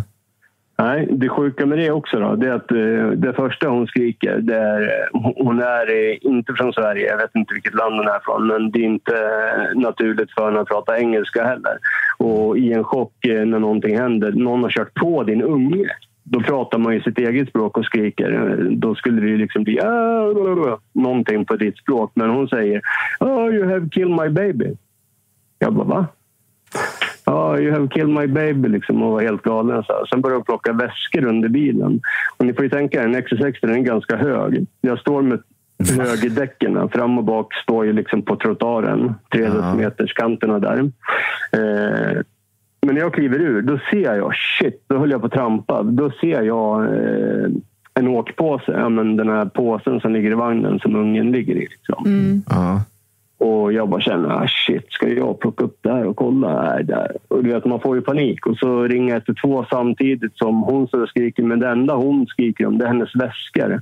Att hon måste ha sina väskor. För det var typ fyra, fem väskor som låg under bilen. Jättekonstigt. Eh, Jag bara, men rör ingenting. Liksom, don't touch. eh, Polisen måste få kolla på det där. Liksom, för att jag får ju heller inte börja flytta på någonting. Då kan ju inte du göra det. Mm. Eh, och, men i det där sällskapet så var det tydligen en tjejkompis också. För hon, hon kom dit fram och hon började rycka väskor. Så de tog någon väska och gick. Men det var, alltså allt var bara så här jättekonstigt. Men under allt det här som händer så har jag på något sätt lyckats skicka ett sms till eh, min dåvarande sambo. Då har jag bara skrivit, och hon är på högskolan och har precis börjat där. Jag skriver knas, eh, kört på barnvagn. Eh, du måste hämta ungarna dagis. Kan inte prata. Typ så. så att, och så hade jag skrivit till min syrra. Knas, kört på Får, barnvagn. får, jag säga, får jag säga lite så det, alltså det är en höjd jävla, eller, eller sänkt ribba, eller höjd ribba här för ordet knas. Ja, men jag förstår också att man gör något i panik bara. Liksom. Det här är bara alltså, basic instincts. Jag kan heller inte stå och smsa så att folk ser det. För att jag tänker att då blir det är ju liksom kränkande. Men jag måste ändå lösa mina Ja, visst. problem som jag är på väg till. Annars blir ungarna kvar. För jag kände ju, jag kan ju bli häktad eller var som helst för det här. Det är liksom, Jag vet ju inte vart det här ska leda. Det är, eh, det är svårt att följdfråga och ta vid. Jag har en Eh, på men- rak arm. ja. Man sitter på nålar ju. Alltså, jag, jag har en på rak arm, för jag har fastnat jag läser, alltså, i mitt liksom, gamla jobb och, och hela den grejen. Jag läser, ja, men läser mycket förundersökningar och sådana saker. Alltså, jag fastnade på detaljen liksom, att hon har ögonkontakt med dig hela tiden. Alltså, va, alltså, du märker detta direkt när då det här, om vi säger det här sällskapet, att de bara skingras och hon dyker upp från ingenstans. Ja, ja, ja. Och så bara liksom hon Exakt, då är stirrar, då, hon eh, stirrar har rakt in i bilen. Och hon säger tvärtom. Och hon säger tvärtom? Ja. Men vi måste ändå Absolut. vi, vi, Märkligt. jag kontrollfråga från början där. Det, det blev ingen dom eller något sånt för det här, utan eh, du är Nej, friad. precis. och, ja. Ja, Jag varit aldrig misstänkt heller, men eh, jag tyckte ju att mamman skulle misstänkas för vållande till annans död. Men vad hände? Vänta, vi måste fortsätta exakt där vi var känner jag. Men för barnet gick bort, eller? Ja, precis. Eh, några timmar senare. Eh, för till slut så kommer det en eh, dam som delar ut, en brevbärare kommer dit. Eh, och gör första hjälpen och allt det där, lyfter upp ungen. Och när hon lyfter upp ungen för jag, jag, är liksom, jag är ju liksom så jävla lugn. Jag har full koll. Och det är liksom det är redan journalister på plats. Eh, man börjar höra sirener lite här och där, men det har inte kommit någon polis än. Så att jag får ju till och med gå och sätta dit mig själv till slut. För att det står ju 10-15 poliser där när de väl kommer och bara tittar. Brandmännen går fram och tittar på eh, mina bilspår. Liksom. Och det var de då som sa att ja, stackarn han som har kört. Och, men som tur är så är det tre decimeters totalkant så att det här är ju inte hans fel. Liksom. Jag bara, det var jag som körde. De bara, va? Ja, alltså alla var ju jättechockade. Men Nej, vänta, det var ju det, som- vänta, det är ingen som kommer hela- fram. Vad sa du? Det är ingen som kommer fram. Alltså någon från lag och ordningsmakten. Det låter helt sanslöst. Nej, precis. Du var väl för fan också folk 50 meter eh, från polisstationen? Motsatt riktning. De som har kört i motsatt riktning, som har stannat långt före. De kom fram, några stycken, och kramade om och förklarade att du, vi såg allting och du gjorde allting rätt. Det där var jättekonstigt. Men det var just det som Josip sa också. eh, Just det här med ögonkontakten. Att jag fick ändå lämna prover och blåsa och allt det där och jag var ju liksom så ren man kan bli.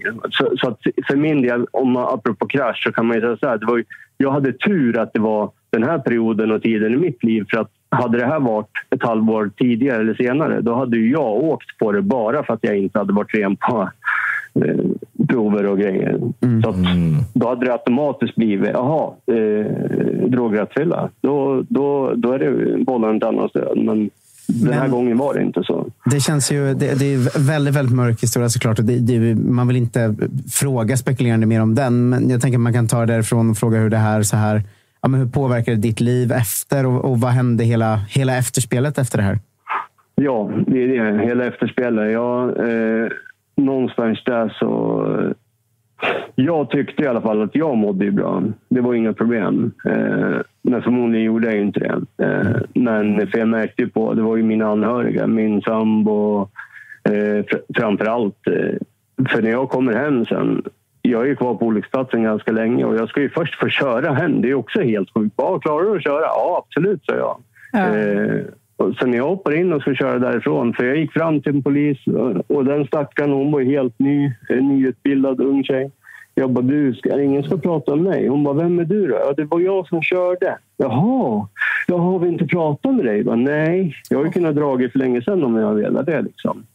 Eh, så att, men efter det i alla fall, ja men familjen var ju knäckt så när jag kommer hem då, och då till slut så kommer det fram en polis. Du, du, eh, kliv ur bilen. Vi, vi kör hem dig för du kan vara i en chock nu. Men då var det ju inte därför de skulle köra hem mig för att jag var i en chock utan då var hela planen. För när vi väl kommer hem till mig då säger de så här. eh, Plocka ur det du behöver i bilen för vi måste beslagta den här. Ja. Jaha, varför måste ni det då? Nej, för att eh, förmodligen kommer inte den här ungen överleva, sa han. Eh, Den har flygits till Uppsala nu och då måste vi upprätta en anmälan där vi misstänker eh, vållaren till hans död, men utan, eh, utan någon misstänkt. Så heter det. Ja. Och ungen dog ju bara några timmar senare. Och det var ju min syrra, hon jobbar ju på Akademiska Uppsala också. Det är också helt sjukt. För att hon får ett larm. Då har hon precis fått ett sms av min syrra att jag har kört på en barnvagn. Hon får ett larm att hon ska upp och ta emot en helikopter med en skadad unge från en olycka i Gävle med barnvagn. Så hon klev av passet direkt. Det vägrade hon. Så att det är där. Det har ju satt sina spår i släkt och vänner och sådana saker. Liksom. Det här är det här är sjukaste jag har hört i princip. Ja, och det är ju typ det sjukaste. Men i mitt liv, det är det som är så sjukt. I mitt liv så är det här liksom en grej jag typ aldrig har pratat om. Inte på ett sånt här sätt eh, och ringer in det till exempel. För att det är en sån sjuk händelse. Eh, Men jag, jag ser ju fördelarna i det. Att det var den här tiden, att jag var ren, jag var nykter, eh, jag hade full koll. Eh, Så att jag hade ganska mycket fördelar med mig. Det hade kunnat Många vittnen som var med om typ samma sak, eller var nära och var med om samma sak, liksom, som såg exakt allt hända. Ja, men det kändes ju lite så här. Hade inte jag gjort det, då hade ju den framför eller bakom fått gjort det. Ja. För det här skulle göras. Det här var ingen eh, ren och skär. Oj, här kom det en barnvagn. Oj, här kom det en bil. Det var absolut inte så. Det var så långt ifrån det man kan komma. Vi vet inte hur, alltså, vi vet inte hur det här, just det här specifika fallet är, men det är klart att eh, sjukt nog så eh, händer sådana här saker. Liksom, och det finns någon slags, eh, vad ska man kalla det för? Det är någon slags bedrägeri eller någon försäkrings... Någonting. Jag vet inte. Det är att det vet vi inte. Vi vet, nej, jag sa, jag sa vi vet inte hur det är med det här specifika fallet, men man har ju läst om att sådana där saker förekommer och det är ju alldeles, alldeles fruktansvärt och väldigt, väldigt sjukt att lyssna på och reflektera kring överhuvudtaget. Men jag tänkte på det du sa om att så här, du hade tur att det var just då, för att då var du eh, nykter. och så. Hur, hur ligger det till idag? Ja, nu är jag också det. Nu har jag varit det i ja, två och ett halvt år. Eh, för efter det där så successivt så gick jag väl mer och mer in i... Det började med liksom att eh, folk i närheten tyckte om du ville åka upp till eh, akutpsyk och prata med dem så att det inte blir någonting av det här. Och jag bara, men det här är ju lugnt. Liksom. Fan, jag gjorde ju inget fel. Ja, men så började det med att jag fick lite mediciner och så, sen när man inte ska få det längre, men då ska du trycka det själv och då börjar jag köpa själv. Ja, men ni vet hela den där storyn. Han som ringde förra veckan berättade ju ganska bra Du får någon slags, du får någon slags, eh, någon slags ben, det är någon slags benzopreparat. Eller? Ja, alla, alla möjliga preparat. Det finns väl inget som jag inte har kört. Men jag har ju varit en sån här som alltid har jobbat och eh, folk har svårt att märka om jag tar saker. Eh, därför att jag alltid liksom... Jag har aldrig varit den här som ja, nu ska jag köpa droger och gå och sätta mig och punda. Utan det har varit jobba och jag jobbar som försäljare. Man ska prestera mera, trycka i sig mera. Det blir så till slut när du börjar hålla på med sådana saker som gör att du orkar mer. Och, ja.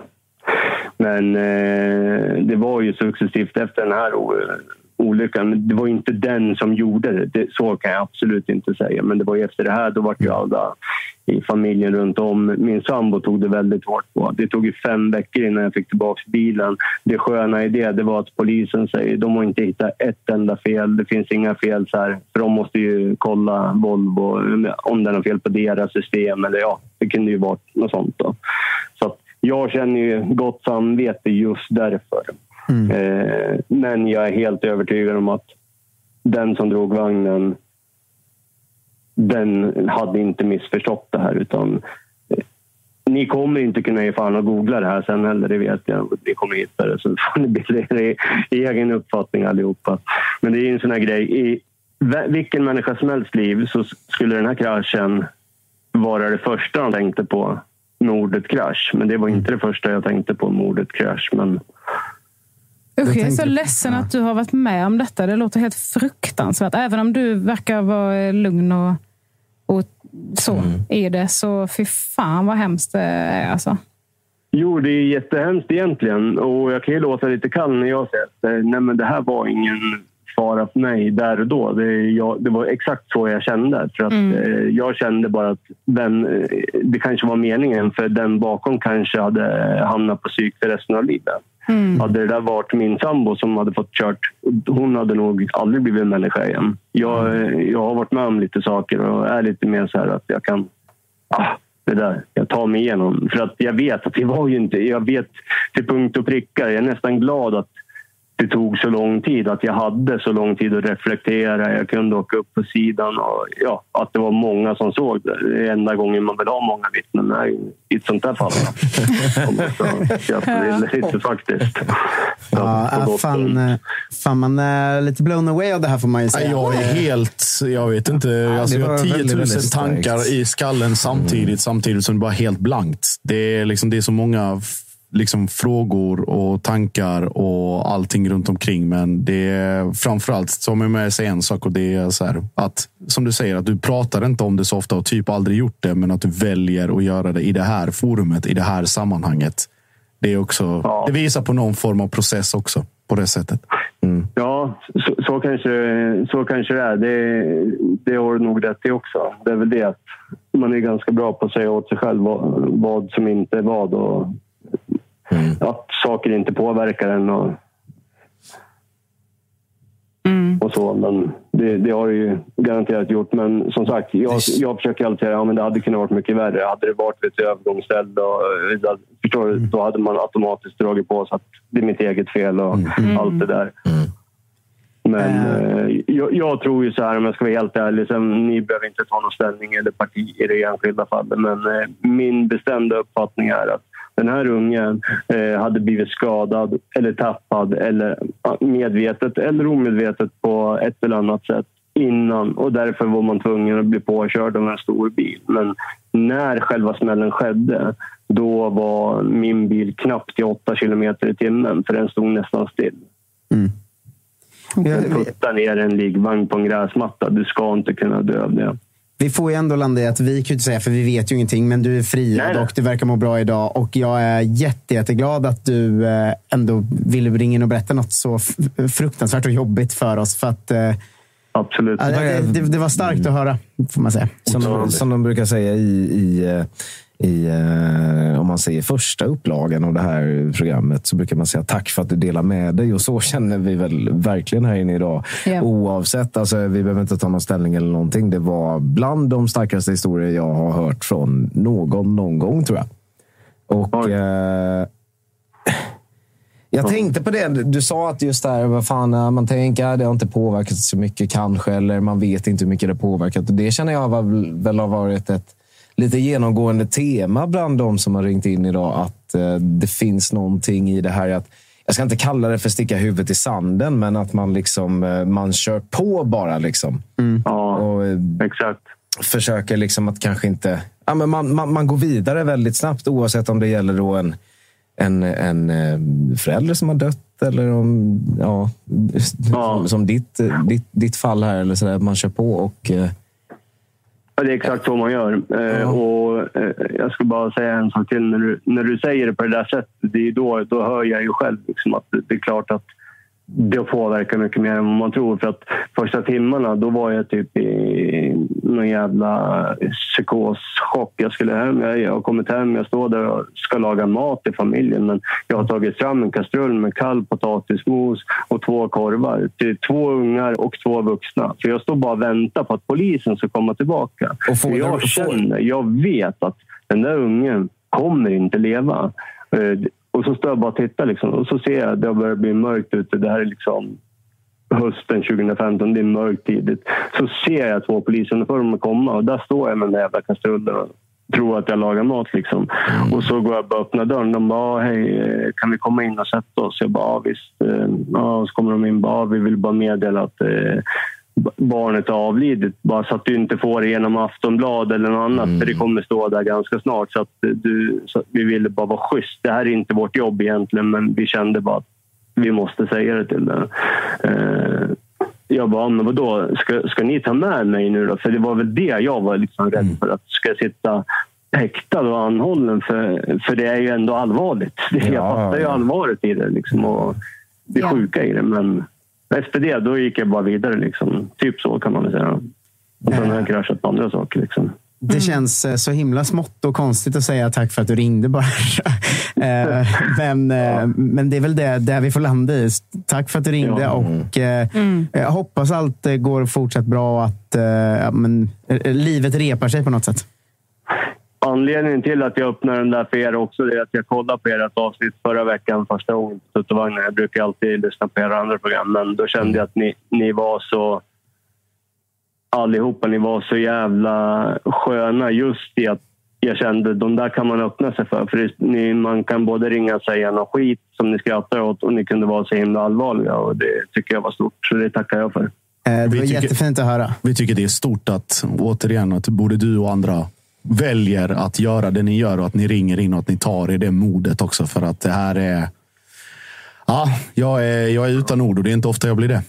Ja, det, Jag ska, jag ska, jag ska, se, jag ska, Det är tur att du blir det ibland. Då.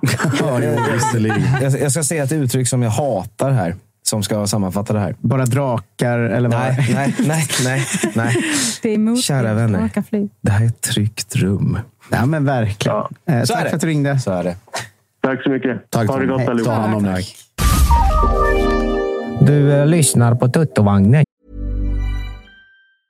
Jewelry isn't a gift you give just once. It's a way to remind your loved one of a beautiful moment every time they see it. Blue Nile can help you find the gift that says how you feel and says it beautifully with expert guidance and a wide assortment of jewelry of the highest quality at the best price. Go to BlueNile.com and experience the convenience of shopping Blue Nile, the original online jeweler since 1999. That's BlueNile.com to find the perfect jewelry gift for any occasion. BlueNile.com.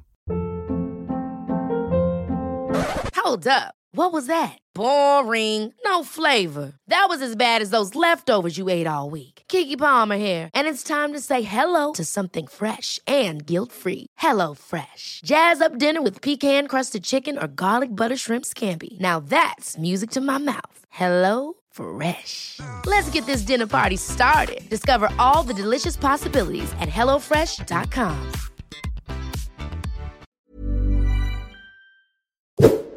Jag har en krasch som jag tänkte berätta om. som faktiskt var, på tal om så här, nu vart den inte så jävla livsförändrande, men kunde verkligen ha varit det. Min pappa blev påkörd av ett tåg när jag var liten. What? Ja, Och eh, lived to tell the story. Live to tell the story, alltså otroligt nog. Han, eh, han hade en eh, gammal Volvo 740 och för de som vet hur de eh, ser ut eh, så, så har de en väldigt, väldigt lång front. Och det här var alltså ute i Småland på landet. Vissa järnvägsövergångar har inga bommar. Ja. Eh, Så farsan kom där, eh, skulle väl förmodligen till eh, vad som idag är hans fru, vad som då var lite oklart. Men i hur som helst så satt han där och körde och eh, såg att tåget kom, bromsade, men det är en gammal grusväg med rullegr rullegrus, som vi säger i Småland, så det stannar inte. Så han kör fram och eh, det visar sig sen då att, eh, alltså, som han berättade var det bara så här, nej, jag märkte bara det gick inte längre. Så jag drog upp mina ben eh, så här i, i sätet och bara vänta. Och så small det så in i helvete. Och jag såg i bilen efteråt, det är liksom Och så tänkte jag som man ritade en bil när man var liten, fast den grejen där fram, den är bara borta. Det är man halv bil. Jävlar Ja. vad sjukt. Och gubbarna som kommer från bärgningsbilen sa att hade du varit en och en halv decimeter liksom längre fram, då hade hela bilen och du åkt med. Fan vad obehagligt. Sliding doors. Yep. Ja, och det är min kära far, då, han är alltså född 1949, gick i pension i somras. I två veckor sen så skaffade han ett nytt jobb. Så han vill, det, det första han gjorde var att eh, vänta på ambulansen på liksom inrådan från polisen som var där före. Och när de kom dit så sa han, kan jag gå och jobba nu? Och sen åkte han tillbaka till jobbet och åkte tillbaka. Och det var ju så här, jag var så liten så jag fattade inte riktigt. Men jag har ju också sett de här bilderna på bilen och jag bara så här, fan, det var en och en halv decimeter från att jag skulle vuxit upp utan min farsa som är min absolut tryggaste plats i livet. Liksom Mm. än idag när jag är 32. Det är så sanslöst sjukt när man tänker på det. Och att man, precis som våra samtal som vi har haft idag, så är det som att ibland känns som att här, man kanske inte fattar förrän långt efteråt. Och man, alltså, Temat vi har leder ju lite till sådana här sliding doors eh, skulle jag säga. Nästan, nästan alla, oavsett om det är en bilkrasch eller en eh, livskrasch. Sådär, att, eh, det är väldigt lätt att se, tänk om det hade blivit sådär eller tänk om det hade blivit så. Liksom. Mm. Eh, så jag tror att det är nog temat gör ju att nästan alla samtal har ju känts lite så. Om det här hade gått på andra sättet hade det antingen blivit jättebra eller jättedåligt. Liksom. Tänk om jag hade haft snus, inte behövt försöka bryta mig in på Pressbyrån. Ja, det samtalet sticker ut ändå från den gode Hampus. Vad har, vi, vad har vi lärt oss av det? Ha alltid snus. Ja. Ha alltid ja, snus. faktiskt. Sant av dig tror jag. Det, det, Alltid tröja. det, ska, vi, ska vi ta kvällens, ska vi kalla det kvällens sista? Ja, men det gör ska vi kalla det redan? Nej, men Vi det får se är ett lite. samtal Vi ser lite. Vi tar ett Vi samtal till i alla fall. Eh, Du pratar med Tutto-vagnen. Stort välkommen och eh, berätta ditt namn. Tjenare papper. Läget? Eh, Det är bra. Nu sa du inte ditt namn, utan mitt namn. Då. Nej, jag ville bara vara trevlig. Jag heter Simon och ringer från Västerås. Tjena Simon Hej. från Västerås. Eh, vad har du på hjärtat ikväll? Jo, så här. eh, Efter gymnasiet ju till det här vägvalet. Vad händer? Ska man plugga? Vad händer? Ska man resa? Och eh, jag bestämde mig för att eh, åka till USA för att eh, och kolla olika skolor som jag blev rekommenderad kombinerat med fotboll. Eh, och eh, då började jag åkte till New York först, Long Island, provtränade där. De hade en svensk tränare, Southampton College heter det. Mm. Eh, så åkte jag vidare till Michigan, Detroit och eh, gjorde likadant där. Eh, studiedagar i en skola, provträna. Passade på att hälsa på min farbror som även bor där. Och så skulle jag avsluta med att festa loss i tredje destinationen som var Virginia. En, en skola med 50 000 elever. En polare som pluggar där. Och, ja, jag skulle fucka ur och leva det American Pie-livet. Fan vad man aldrig har hört om någon som har fuckat loss i Virginia. Radford University. Eh, och eh, det, det är ju så fester överallt. Jag kom tydligen en period när, när, eh, när de kickade igång skolår i college och sådär. Så det var ju katastrof överallt. Alltså fest, fest. Och alla dricker cakes och beerpong och hela det där köret. Men eh, ja, sista natten, jag blev, det var en, en eh, tjej som jag var förtjust i. Jag hade ändå varit där några dagar, blev igenkänd.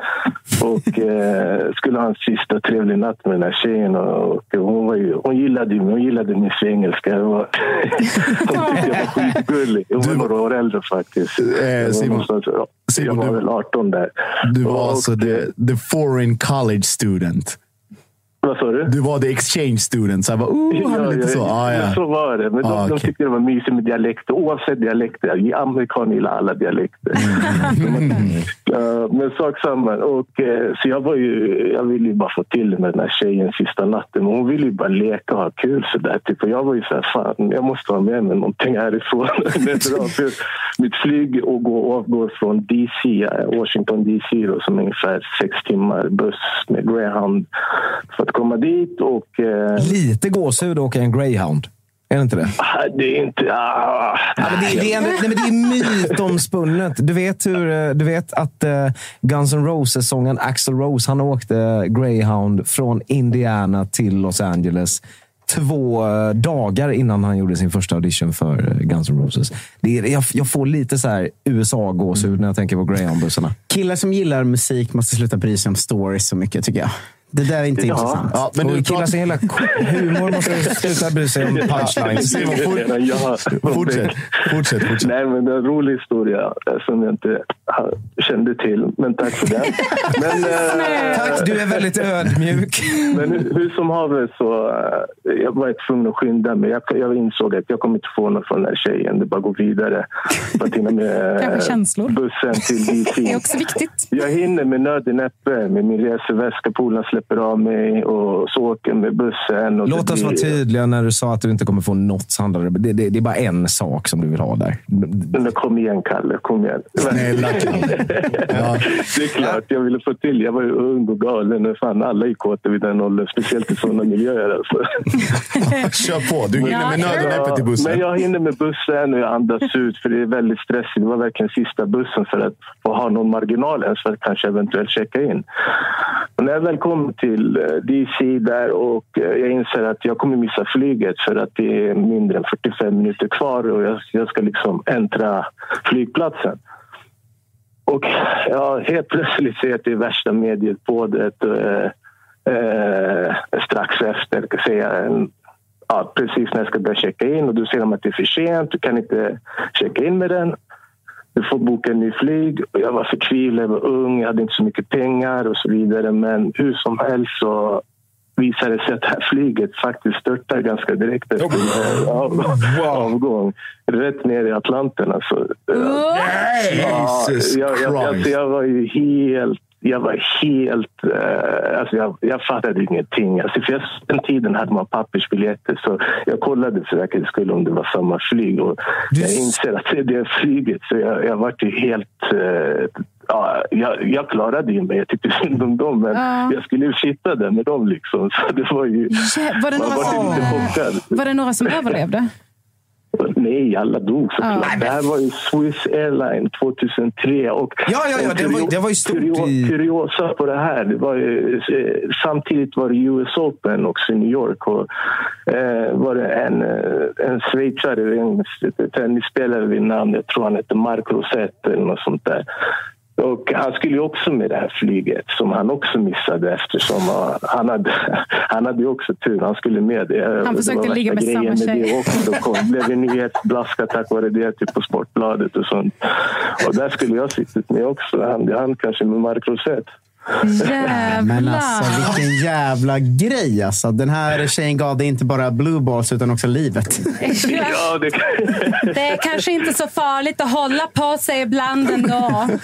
ja, eller hur? Skam den som ger sig. Jävlar! Ja, men, Blev du inte det typ religiös en, efter det? En krasch, men som jag undvek omedvetet. Så hela grejen var att du, du var där med en tjej, fick inte ligga. Och sen var, hade du så jävla mycket blue balls. Du var tvungen att kila in på flygplansmuggen och dra i den lite grann. Och under den, den tiden så råkade du missa flygplanet och därför Ja, så alltså- lever du idag. Det är ändå starkt. Nej, men så här. Det, jag, hade, jag kunde ha tagit en tidigare Greyhound-buss, men jag drog ut på tiden. För jag, jag, jag, jag, var, ju, alltså, jag var ju stenhård och galen. Alltså, jag ville bara få till mig. Men, men alltså, jag var tvungen att avgå när- för att hinna med absolut sista bussen för att ha en chans att komma till flygplatsen.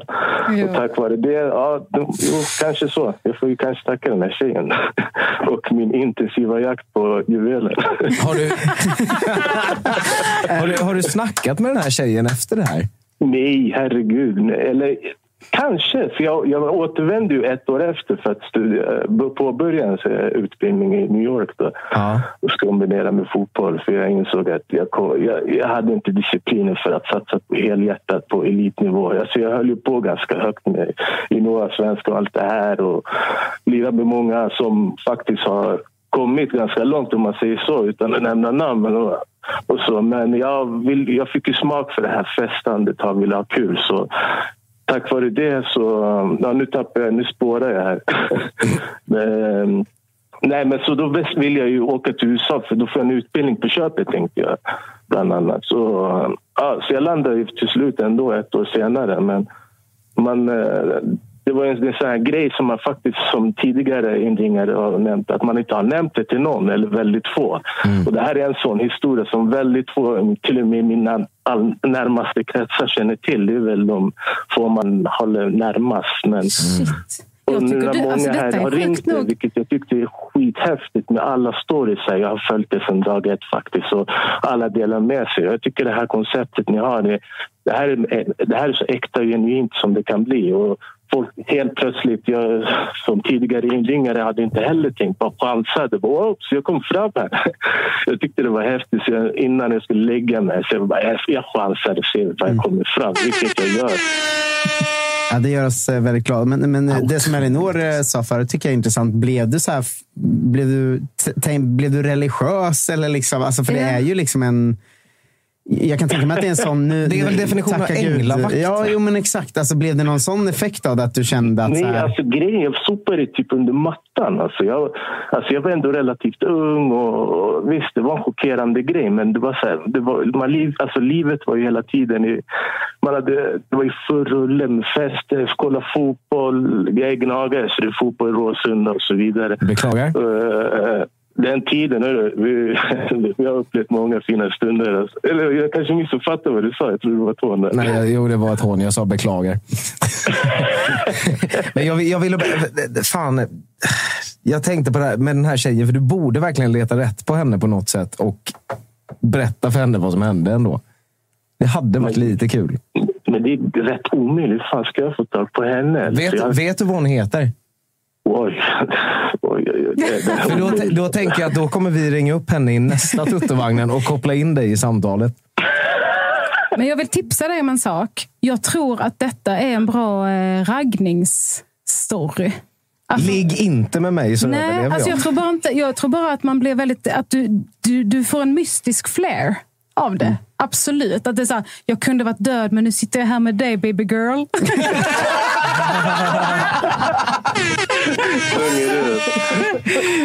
Så, men, ja. eh, det var i alla fall en av en, en story om en krasch som jag undvek helt enkelt. Ja, det här, aj, wow. Otroligt. Jag är blown away. Ja, det var jävligt eh, härligt att höra om det. Det var ju solskenshistoria får man ju verkligen säga. Ja, förutom- bara man, honom jag tänkte man avslutar det snyggt sådär. Så alla kan sova gott. Jag hör dig, jag hör dig. Eh, Stort tack för att du ringde in och vi hoppas att du vill göra det någon mer gång. Absolut, absolut. Alltid. Ha det gott. Ha det Tack detsamma. Hej då. Hej. Ha det så Hej. fint. Du eh, lyssnar på Tuttovagnen. Ah, fy- alltså, good lord! Han duckade bara. Jävlar. Iskall. Nej, helt Det är många stories idag som man har lite så här, man vet inte riktigt hur man förhåller sig Men det, här, Alltså, det, här, det, han säger, det han säger är också jättesjukt. För att det, ni minns det här Eurowings-planet? Eh, som, där den här piloten sneade, låste ut sin kollega och drog rätt in i en bergvägg. Ja, ja. Dalkurd var på ett träningsläger och skulle med det här planet. Nej. Men han inte med. Ja.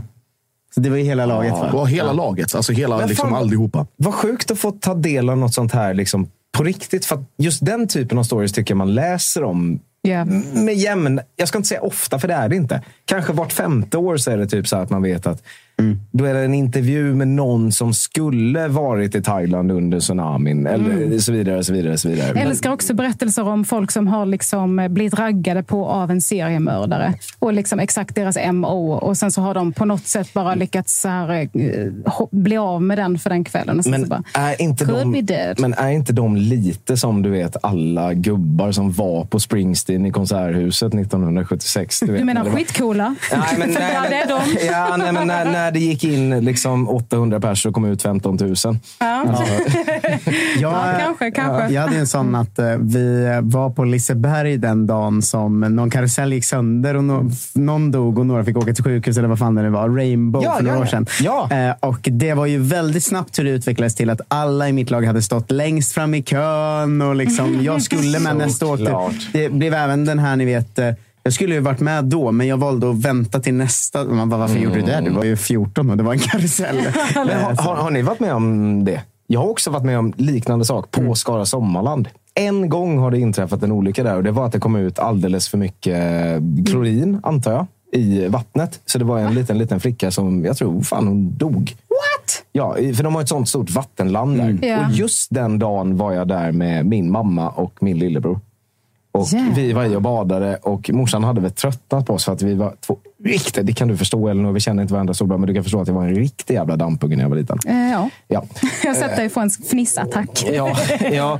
Nej, men så hon tröttnade väl och sa att nu får ni gå. Och sen eh, åtta minuter senare kommer en sån ambulanshelikopter. Liksom, och vi bara, vad fan är det som har hänt? För det här var ju sent 90-tal tror jag. Så Ja. det, det var innan någon visste vad som hade hänt. Så vi såg ju det först när vi kom hem. Bara, ah, då var det jättemycket gift i vattnet och sånt. Och, Fy fan. Så det var saved by the bell på något vis. Jag var på en kräftskiva på Skans. Nej, jag skojar bara. Jag var inte där. Eh, Du är faktiskt den enda som inte eh, riktigt svarar på eh, kraschfrågan väl? Ja. Ja. Ja, men jag, jag hatar att köra bil. Eh, jag är livrädd för det och jag blir inte mindre livrädd av den här eh, jävla eh, personens historia. Mm. Förlåt, Tomma, Tommy. Tommy. Tommy. Tommy. Eh, för jag, det första min mamma säger till mig när jag börjar övningsköra är Tänk nu på att tänk, jag ska säga samma sak till dig som min körlärare sa till mig. Alla i trafiken, tänk dig att alla andra är fullständiga idioter. Jag Ja, bara- men snälla, det jag är bara, ett dag. Hjälp! Hjälp! För jag har redan jättemycket katastroftänk och ångestproblematik. Mm. Det funkar inte riktigt för mig. För nu slutar det med liksom att jag vågar inte köra på huvudled nästan utan att bromsa. Om det kommer en bil som jag har företräde, men jag är så tänk om de är jävla idioter. Men då är det du som är idioten. Eh, ja, exakt. Jag blir ju en trafikfara. Ja. Eh, framförallt, eh, det är bättre nu när jag går på eh, antidepressiva, för då har jag mindre ångest. Men eh, annars kan jag inte köra bil, för jag är så rädd hela tiden. Och jag ser framför mig hela tiden så här, om, det, om vi dör nu, vilka är mer i bilen? Om det är så här, jag körde två, jag och Kirsty Armstrong och Catherine eh, LaRue, var, körde, jag körde oss eh, Låter som nu ett mäktigt band. Ja, nej, men vi var eh, två andra kvin- kvinnliga komiker och då tänkte jag så här, okej, oh, där kunde vi dött, där kunde vi dött, där kunde vi dött. Och då ser jag hela tiden framför mig så, kommer det bara stå tre kvinnor eller kommer det stå två, tre kvinnliga komiker? Eller kommer det stå tre komiker liksom i tidningarna? Kommer de kunna, kun- kommer de kunna låta bli Eller- eller kommer de skriva bli- kommer de- kvinnliga komiker? Kan de bara skriva komiker? För Jag vill bara bli tagen som en vanlig komiker. Jag hinner liksom tänka så jävla många tankar. För att jag är helt säker på att vi ska dö hela tiden. Du tänka tankar så här, vem får rubriken? Är det jag eller Kirsty Armstrong? Ja, åh, f- nej, det hann jag inte. Hon vann ju Årets kvinnliga komiker när jag var nominerad nu senast. Ja. Och... Årets kvinnliga komiker och två nollor döda i bilkrasch. Och två helt vanliga tjejer. Åh, fy fan. En komiker och två hangarounds.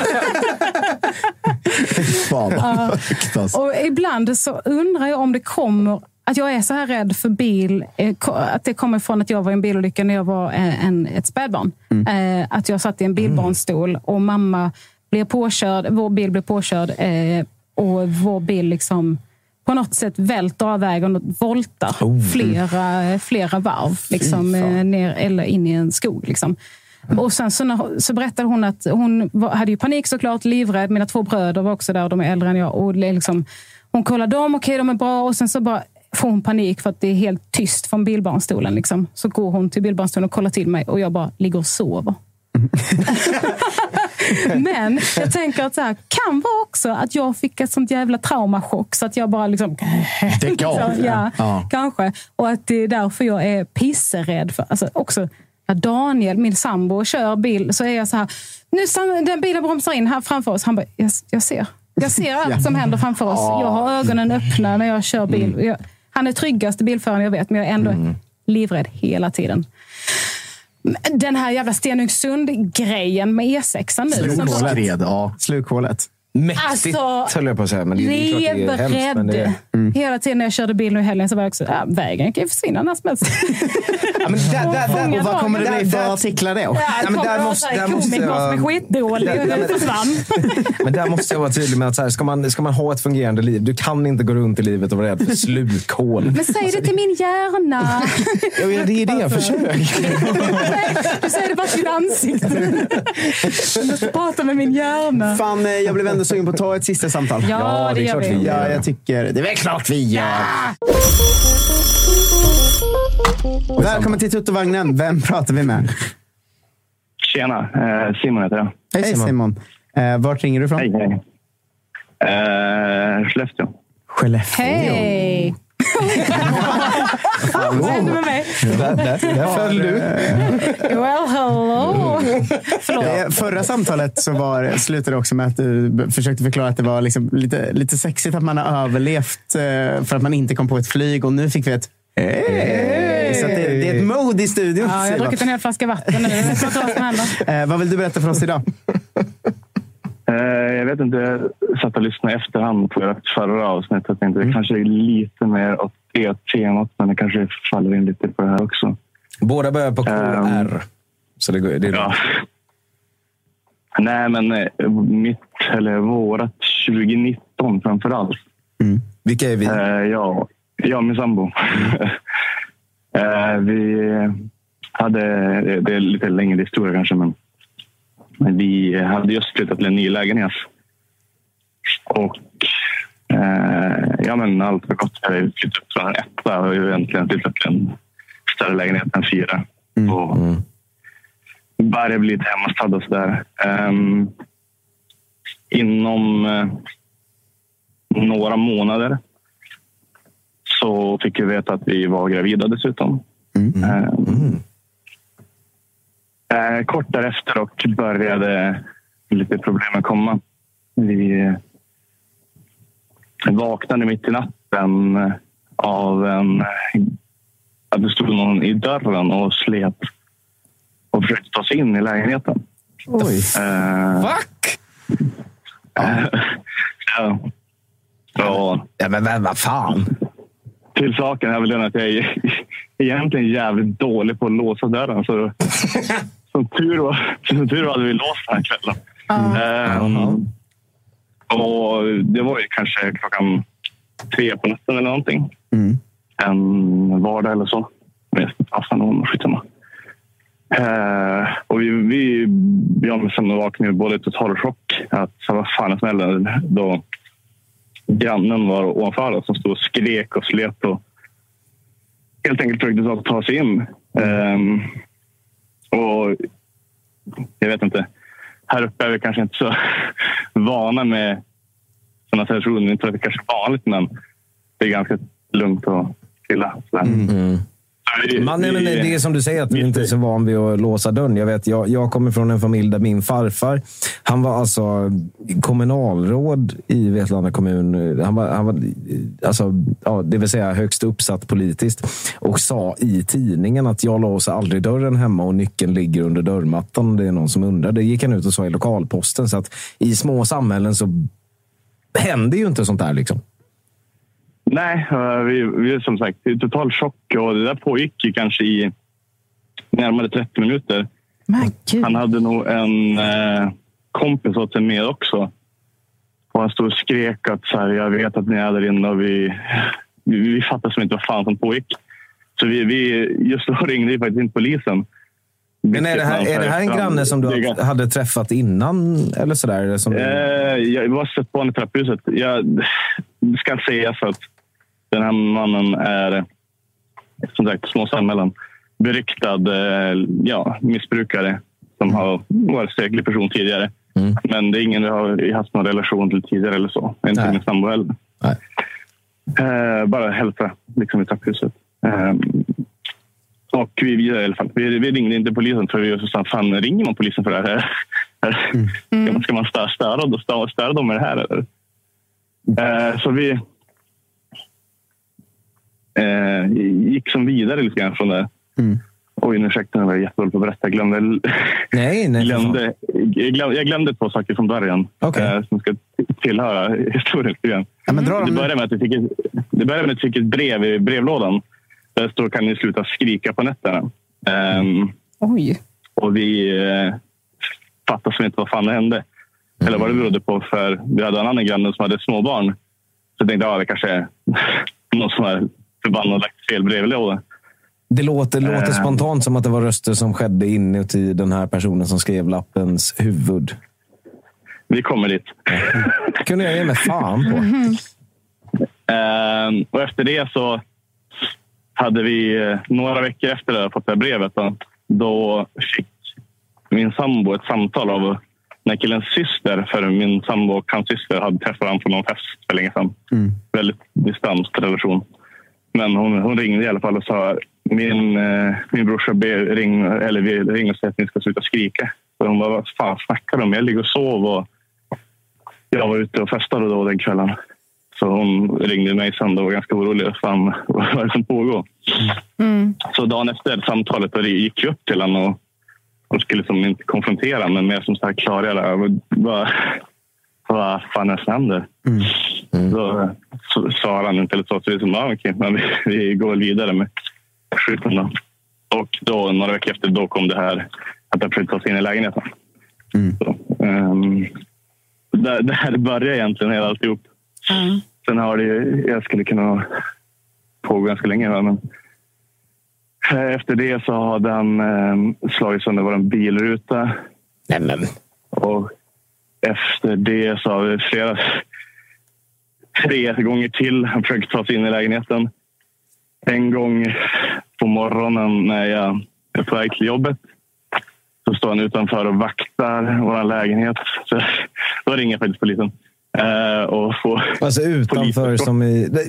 Kan, kan du försöka beskriva lite så här, hur ser det ut precis utanför porten på din lägenhet? Eller, eller, alltså är det ett trapphus eller är det en Ja, loftgång eller någon slags... Det är bara ett litet trapphus. Ett, ett, ett lägenhetshus på åtta lägenheter. Och han Eh, står där ute i trapphuset liksom. Och... Ja, han står och bankar på morgonen och som så här, vi vet att det är inne och bla bla bla. Och sen går runt till fönstren och kollar och försöker som så, se in. Och så, här. så jag ringer polisen då och får eskort till min bil som tar mig på jobbet. Men ja, i alla fall så fortsatte det hända sådana saker där. Så till slut då tog jag och min sambo beslutet att i och med att vi var gravida, vi kände här ingen miljö där vi kan vara gravida i. Och definitivt någonstans där vi var att barn ska växa upp. Så vi, vi sa upp den här lägenheten bara några månader efter att vi flyttade in utan någonstans att bo. Så ja, vi kände att det var ju någonting vi var tvungna att göra. Eh, och flyttade hem till våra föräldrar ett kort tag. Eh, lite stund senare så lyckas vi eh, hitta ett hus då, som vi båda gillar. Och bestämmer oss att flytta dit. Eh, vi hinner bo där några månader. Eh, och allt är som frid och fröjd. Jag tänkte att nu, nu är det över. Nu har vi, nu har vi sluppit det här. Sen eh, får vi vår dotter. Eh, första, hennes andra natt i livet var den första natt hemma. Så ligger vi och ja, men sover. Och sen kommer en eh, sten på närmare tre kilo inflygande genom våra sovrumsfönster. Nej! Oj, jävlar. Nej. Ehm, och den landar ju i barnvagnen. Som tur var sov inte vår dotter. I- Du skojar? Det är... Jag önskar. Ehm, som tur var sov inte hon där den natten. Och allt gick bra. Var det han? Eh, jag lyckades... jo, det var det. Vad i Ehm, helvete? Jag lyckas, ju, jag lyckas ju få se han då när han smiter från platsen. Men vad är det här för en jävla fitt... vad är det för en... Ja, mm. Nej, ja, mm. Ja, I alla fall direkt han eh, kastar sig springande därifrån och till sin bil. Då. Så jag ringer polisen och säger ja, men jag har sett den här eh, snubben. Eh, jag vet vem det är. Han har varit på oss tidigare. Vi har haft flera ärenden med polisen med killen. Eh, och de, efter en biljakt på E4 så lyckas de gripa honom. Då. Men eh, blir släppt kort därefter. Som eh, det verkar funka ibland i det här samhället. Vart det ingen Men, rättegång och ingenting? Nej, eh, i och med att jag var den enda målsägaren och enda vittnet av situationen så kan det alltid vara tillfälligheter enligt åklagaren. Men eh, jag vill, igen kontrollfråga. Josef, snabb Nej, men kommentar. Låt mig fråga klart, Kalle. Men jag ser att han Eh, har en Jebemti ja, Han ska få ta en snabb kommentar snart. Men det fanns ingen typ av relation som gick att binda ihop. Alltså, det finns inga band mellan er och den här mannen, utan han hade bara fått någon slags besatthet. Liksom. Ja, eh, det är ju, har ju blivit ganska uppenbart att han har typ av psykos. Jag kommer, eh, ja, jag kommer in på det lite sen också. Det här är ju, det här är ju en sån eh, mardröm som man liksom gör Netflix-serier om. Men också en sån mardröm man kan rätt, ha liksom. för att man känner lite att så här, det, det som är så jävla läskigt med sånt är att det kan hända vem som helst. Alltså att Mm. eh, han liksom uppenbarligen inte har någonting mer att göra men får för sig att ni är Satan eller någonting och sen, Ja. och sen fastnar det. Liksom att, Ja, man kan inte göra någonting. Nej, ni, Polisen bara, jaha, oj, vad. Alltså, jag hade en ja, ni flyttade ju till och med. eller liksom, Det, det, är ju, det är absolut, alltså nu, nu, nu hoppas jag förstå att det, det är inte något för att ta liksom allvaret från din story, utan det är bara en liknande grej med liksom Psycho som gör något. Jag gick hem från jobbet en gång och det var en, en, en kvinna som följde efter mig från Gamla stan till Gullmarsplan och skrev Din äckliga jävel, du ska dö, du ska dö, du ska dö. Alltså, Hon gick efter mig och skrek där hela vägen. Och det, det var ju en person som var besatt och det, det, är ju, det var ju inte på, på, på långa vägar lika läskigt, men det är fortfarande jävligt obehagligt att någon liksom... Hej, var kom det här ifrån? men ta oss vidare i, eh, därifrån. Ja, men då, då hamnar vi kanske i, om vi ska gå på förra veckans tema kris. Det var då vi som... Ja, vi vet inte vart fan vi ska ta vägen. Eh, jag minns jag får hem till mina föräldrar och bara satt och grät. Ja. Att, så ska, ska vi fly landet eller vad, fan ska vi göra? Liksom? Ehm, ja, till, till slut i alla fall lyckas vi väl komma vidare från det. Eh, och vi tror ju som att allt börjar vara lugnt och, och efter svamlar jag lite, ursäkta. Eh, men eh, vi, i poliser, det blir mycket fram och tillbaka och som sagt, det kommer ingenstans med åklagaren eller någonting sånt utan allt läggs ner. Det vi kunde hävda var att få igen pengar för rutan men det kändes inte så jävla viktigt. Eh, eh, men det, det dröjer, ja, jag tror är ett år efter situationen så får mina föräldrar brev i eh, deras, deras lägenhet. Och det är det här som är mest nyttiga egentligen. För mina föräldrar är lite gammaldags. De inte sociala medier eller internet. Fem är det som på något sätt har mamman lyckats leta upp mina föräldrar och skicka brev till dem. Det står massa sjuka saker och det är typ kring hur vi övervakar han och jag har ett program eh, som jag styr hans känslor med. Åh gud. Och hur eh, vi har övervakning i hans lägenhet vid hans hinnar. Och massa allmänt konstiga jävla skeva saker. Det här är riktigt sjukt alltså. Trodde dina föräldrar på det då? Elinor, jag älskar dig. De konfronterade mig väldigt hårt. Vad håller du på med? Vad är det för program som du... Det här, är det det här AI? Ja, men för fan vad äckligt. Ja, hur mycket obehagskänslor man har i kroppen av att höra det här. Alltså. Ja. Eh, Men eh, igen då, ta oss, ta oss vidare därifrån. Sen, eh, ja, det har väl... eh, Efter det har det faktiskt inte hänt så mycket. Vi har fått höra att han kanske inte mår så bra. Åh fan. Nej, men alltså rent hälsomässigt. Jaha, okej. Eh, Alltså. Jaha, du menar att han kanske ligger på, tack och lov, någon slags Ja. dödsbädd då? Eller något så, vidare. Ja, vi hoppas det. Ja, det gör vi ju Ehm. sannerligen. Alla vi i Tuttovagnen också. Så. alltså jag, Ehm, alltså jag, jag, jag sticker in här.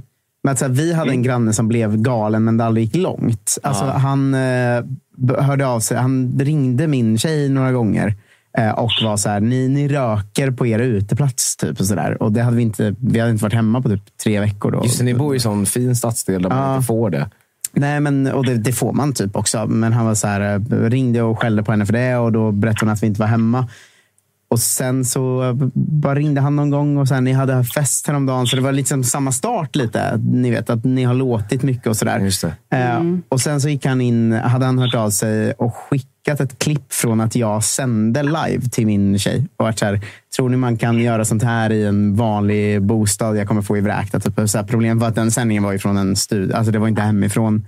Och då var det att vi satt och hade någon sån fyllesändning. Alltså lite som vi har nu. Fast med kanske ännu mer öl och så. Mm. Eh, ja, men högljudd fyllesändning. Liksom. Så hade han skickat den till henne. Och sen hade, eh, har min tjej då hört av sig, eller fått ett brev från hyresgästen att det varit klagomål bla, bla, bla, eh, på, på liksom ljud från vår lägenhet. Och då var det från den här mannen och min tjej skickade de här grejerna och kunde bevisa att vi inte hade varit hemma då. Liksom. Mm. Eh, Så jag vet inte om han blev vräkt eller något annat. Men det var liksom samma start. Och bara den starten var så obehaglig. Liksom. Att det jag är någon som är galen, eh, uppenbarligen. Det jag tycker är obehagligt med det är att galen kan ju vem som helst bli. Jag tror, det låter inte som att han är en ond person som börjar trakassera folk för att han tycker det är kul. Utan det låter ju verkligen som att han är, är psykiskt sjuk. Och det kan ju vem som helst bli. Tänk att liksom gå runt och tro att dina nya grannar styr dig, övervakar dig, styr dina känslor med ett program. Och liksom bara, ingen tror en, för det är ju inte sant. Alla Ja. bara säger du är galen, men bara, jag är inte det. Nej. De gör ju det. Alltså, fy Och så får du fan, någon medicin en kort stund kanske liksom sådär, som tar bort det. Och sen eh, så får du medicin som du kanske ska ta och så gör du inte det och så fortsätter det ändå. Det ska liksom. ju mycket till också för att någon ska bli tvångsintagen Oh, ja. psyk i Sverige. men du, det, nej, men, för du, du gör ju också en podd om, okej nu var vi inte där, men du gör en podd om mord och sånt. Och där Ja. tänker jag att där måste ju den här typen av människor dyka upp ganska ofta. Mm. Ja, men verkligen. Och ibland är det ju så här... Ja, men bara, det blir ju tragiskt mer än vad det blir vilket jävla svin. Mm. Liksom. Eh, För jag är livrädd för att bli psykotisk också. För, ja, men, ja, ja, jag har För att citera Ja, Elinor Svensson. Åh fan. Nej, men det är jätteskräck jag har. Just för att det kan hända vem som helst. Sen så är det väl vissa som har större risk för det. Eh, Men, eh, ah, men också att bli offer för någon som är det. Vad fan ska man, hur ska man skydda sig? Liksom? Man ska, Det hjälper ju tydligen inte att säga nej. Vi har inte det här programmet faktiskt. I wish I did. Eh, vad, vad har du för input, eh, Josip? Du har suttit och sett eh, eh, förvirrad ut. Jag, tänk, jag tänker att jag skulle vilja ha någon slags juridisk... eh, Nej, men det här är ju, alltså, bortsett från det uppenbara att det här är en människa som är liksom i grov, grovt behov av vård på alla möjliga och omöjliga sätt. Så känner man ju liksom med, med eh, liksom, tänk dig, du ska, gravid och gravid Ja. sambo och du kastar stenar genom din ruta och sen liksom Alltså jag var så rädd att du skulle säga att något hade hänt med men, bebisen. Alltså, tänk dig man, att man lever i ett samhälle eh, och i en, liksom en, alltså, världens bästa land i så många avseenden. Men Och i lilla lugna i Skellefteå. Och, det är liksom så här, och man kan inte lita på alltså så här, vad detta, hur det rubbar ens liksom syn på både liksom samhället och sin omgivning och allt det där. Och framförallt till, till, liksom, till de som ska sköta det här. Alltså jag pratar om polis och rättsväsende och samhälleliga institutioner och den typen av saker. Alltså så här, även om nu, liksom, som du pratar om, alltså rättsprocessen är ju en sak, men all, liksom alla psykiska ärr och sådana saker. Det är liksom, Mm. Den här mannen lider ju uppenbarligen av sina problem, men det är liksom att ni får ju de här problemen på köpet. Och det är liksom saker som ni vet om nu, eller saker som ni kommer veta om fem år eller om tio år. Det, det är omöjligt att veta eller vad ni kommer känna eller hur liksom, alla de här sakerna kommer påverka er längre fram. Men det är liksom att när man pratar om så här i, i stora ordalag eller i andra sammanhang om att liksom samhället sviker en eller samhällets rättsliga institutioner är svåra att lita på för att det, vill liksom, det är liksom som en jag ska säga, myndighetsmaskin som bara står och maler och det händer ingenting. för att folk är liksom, Man blir bara sitt personnummer på något sätt och folk kan inte relatera till, till olika saker. Och, och den typen av liksom, diskussion och frågor. Jag, jag blir mest bara liksom, hur ska jag säga, frustrerad och trött och för er skull på något sätt liksom förbannad på att det sker såna här saker som liksom, nu vet vi om det här, men andra saker i andra sammanhang som vi inte vet om, som kanske är mycket värre eller mycket mildare. Det spelar inte så stor roll. Men att vi ändå från liksom samhällets liksom institutioner eller från myndigheter eller politiker eller vad man nu vill kalla det, att vi hamnar där vi hamnar och att vi bestämmer oss för vad som är problem. Alltså att det blir liksom prioriteringsfrågor och det här är ett problem nu och det här är ett icke-problem. Och vi ska prata om de här sakerna för detta är viktigt och detta är oviktigt. Liksom allt- vi pratar om allt från kulturkanon till gängkrig i vårt samhälle och sen är det liksom man blir bara förminskad till någonting som bara ska få samhället att snurra. Jag, jag, jag vet inte vad jag ville vill säga riktigt, men att man bara blir... Jag kan tänka mig i er situation att man bara blir så här, vad fan är det man behöver göra egentligen för att kunna leva i lugn och ro i sitt eget jävla hem? Ja. Alltså, en sån banal sak. Alltså, det finns ju fan stadgat i svensk lag. Alltså, hemfridsbrott är ju liksom bland, alltså bland de mest allvarliga sakerna man kan tänka sig på det sättet i termer av vad det kan leda till för den som blir utsatt. Men Oh, ja, jag vet inte. Jag, jag lider med er och jag hoppas, hoppas, hoppas verkligen. Jag håller alla mina tummar och tår för att det här löser sig och att ni får den hjälp ni behöver. Och att inte bara liksom i, i termer av polis och rättsväsende, utan även om man behöver prata med någon eller ventilera eller på något sätt bearbeta det som har hänt. Att ni, ni tar den hjälpen för att det är, det är saker som kommer ligga i er eller i er relation eller i er omgivning på något sätt som, som behöver tas upp. Så det är väl det, det medskicket man har om man har något. Nej, under den här perioden så alltså, det var som sagt det var 2019 allt startade. Och det är väl egentligen först nu, framförallt min sambo då, som kunde slappna av egentligen. Du ser. Utan det är, så, så fort vi hör ett ljud på bakgården och så där så är det ju direkt. Det är en jävla hare som är och hoppar runt. Alarm hemma. Ja, exakt. Nej, men det, det, det är fort, så fort det här, vi hör ett ljud, eller framförallt om det här är ett ljud, så blir det som direkt i vaktställning på något sätt. Så Det blir, det, blir ju, man- det blir ju ett trauma. Som sker eh, dels gemensamt men också individuellt. Att det är ju traumatiskt och det är en traumarespons såklart. Att ni, ni hör ett ljud och känner... otroligt tufft för min sambo just det här. Då. Och I samband med det här så vart även hennes mor diagnostiserad med obotlig cancer. Såklart. Fan. Så, fan, ja, det, det barn och det här samtidigt. Så dubbla flyttar av lägenhet slash hus. Och, Hur länge sedan Det är det våran- sista... du? Hur länge sedan är det sist, senaste eh, interaktionen med Crazy Guy? Eh, förra, förra sommaren. I år, det är det som har varit... Jag egentligen, jag har glömt säkert massa detaljer i det här. Det har varit en som utdraget över fyra år, mer eller mindre. Mm. Men eh, i år är det första sommaren vi har haft helt lugnt.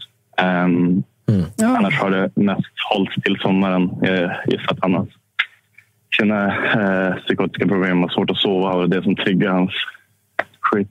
Eh, men, men då får vi väl allihopa, jag tror, eh, vi har ju en chatt och alla som tittar och sådär, men både de och vi eh, hoppas att du får fortsätta så här. Och eh, återigen, skitstarkt att du eh, valde att ringa in och prata om det. Eh, och vi får väl ändå hålla tummarna för nu, då, om det är över ett år sedan sist det hände någonting, att det, det fortsätter åt, åt det hållet bara.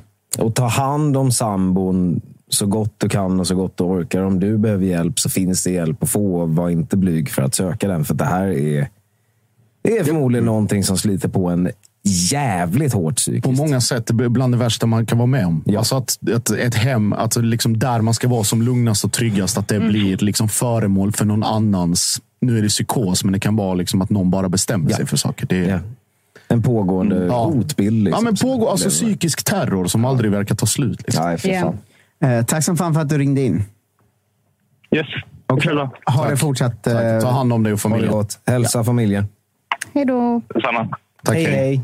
Hej. Du eh, lyssnar på Tuttovagnen. Alltså, vilket eh, avsnitt av eh, känslor. det här är. alltså, jag är helt tömd. Och jag, jag kommer ändå säga att vi pull the plug nu. Alltså. Vi har kört i tre timmar. Eh, Det har varit eh, väldigt... eh, Alltså, visst, det har varit eh, ett par fåniga och härliga samtal. Men det har varit en jävla nivå på nästan mer kris än krasch idag, skulle jag säga, av de som har ringt in. Det, jag vill igen säga att alla ni som ringer in till Tutovagnen oändligt eh, tacksam för förtroendet, för det är starka stories vi får höra. Men också eh, bara tacksam för att ni gör det för att vi får, får något att prata om. För annars Men hade det här jävla stjärnor inte, ni är. ja, men Det här programmet Alltså, inte varit någonting så är det. annars. Mm. Eh, Jag vill säga tack till Kalle och Josip som alltid är med. Tack själv. Stort tack till Elinor Svensson som gör en bejublad debut. Ja, det får man Tack. Hörrni, tack för att eh, ni tittar och vi ses någon gång nästa vecka. Det kommer svin mycket grejer från det här huset. Ju. Det är Tuttosvenskan på onsdag och Vagnen på torsdag. Eh, spelsurr och alla sådana sportgrejer. Men det, det enda riktiga programmet är ändå Tuttovagnen. Det är här det, är här det, sker på riktigt. det. Liksom. det är ju det här som är själen. Och jag vill slå ett litet slag för att jag idag har dragit igång eh, Tuttovagnens officiella Instagram. Vi har två följare. Det är Josip och Ingo. Och jag tänker att till nästa gång vi kör så kanske vi har två till i alla Kanske fall. Marcus också. Nej, men gå in och kika där, för jag tänker att där kan vi ju ladda upp lite klipp och sånt där. Och lite best of. Och... Vi har väl egen poddfeed nu? För Det har vi. Vi har egen poddfeed och det här avsnittet eh, tänker jag fan i mig kommer imorgon. Ja, men, snyggt eh, jobbat eh, av dig då. Eh, säkert Ingo också som kommer ha ett finger med i det. Nej, fan inte. nu släcker vi ner för idag. Tack. Vi eh, hörs snart. Hej! Ta hand om er. Hej! Hej. Ring, ring, bara du slog en signal. Åh, ring, ring, tystnaden är så total. Skingra den oro som mal. Bara ring, ring, ja men kom så slå en signal. Ever catch yourself eating the same flavorless dinner three days in a row? Dreaming of something better? Well, HelloFresh is your guilt free dream come true, baby. It's me, Gigi Palmer. Let's wake up those taste buds with hot, juicy pecan crusted chicken or garlic butter shrimp scampi. Mm. Hello Fresh. Stop dreaming of all the delicious possibilities and dig in at HelloFresh.com. Let's get this dinner party started.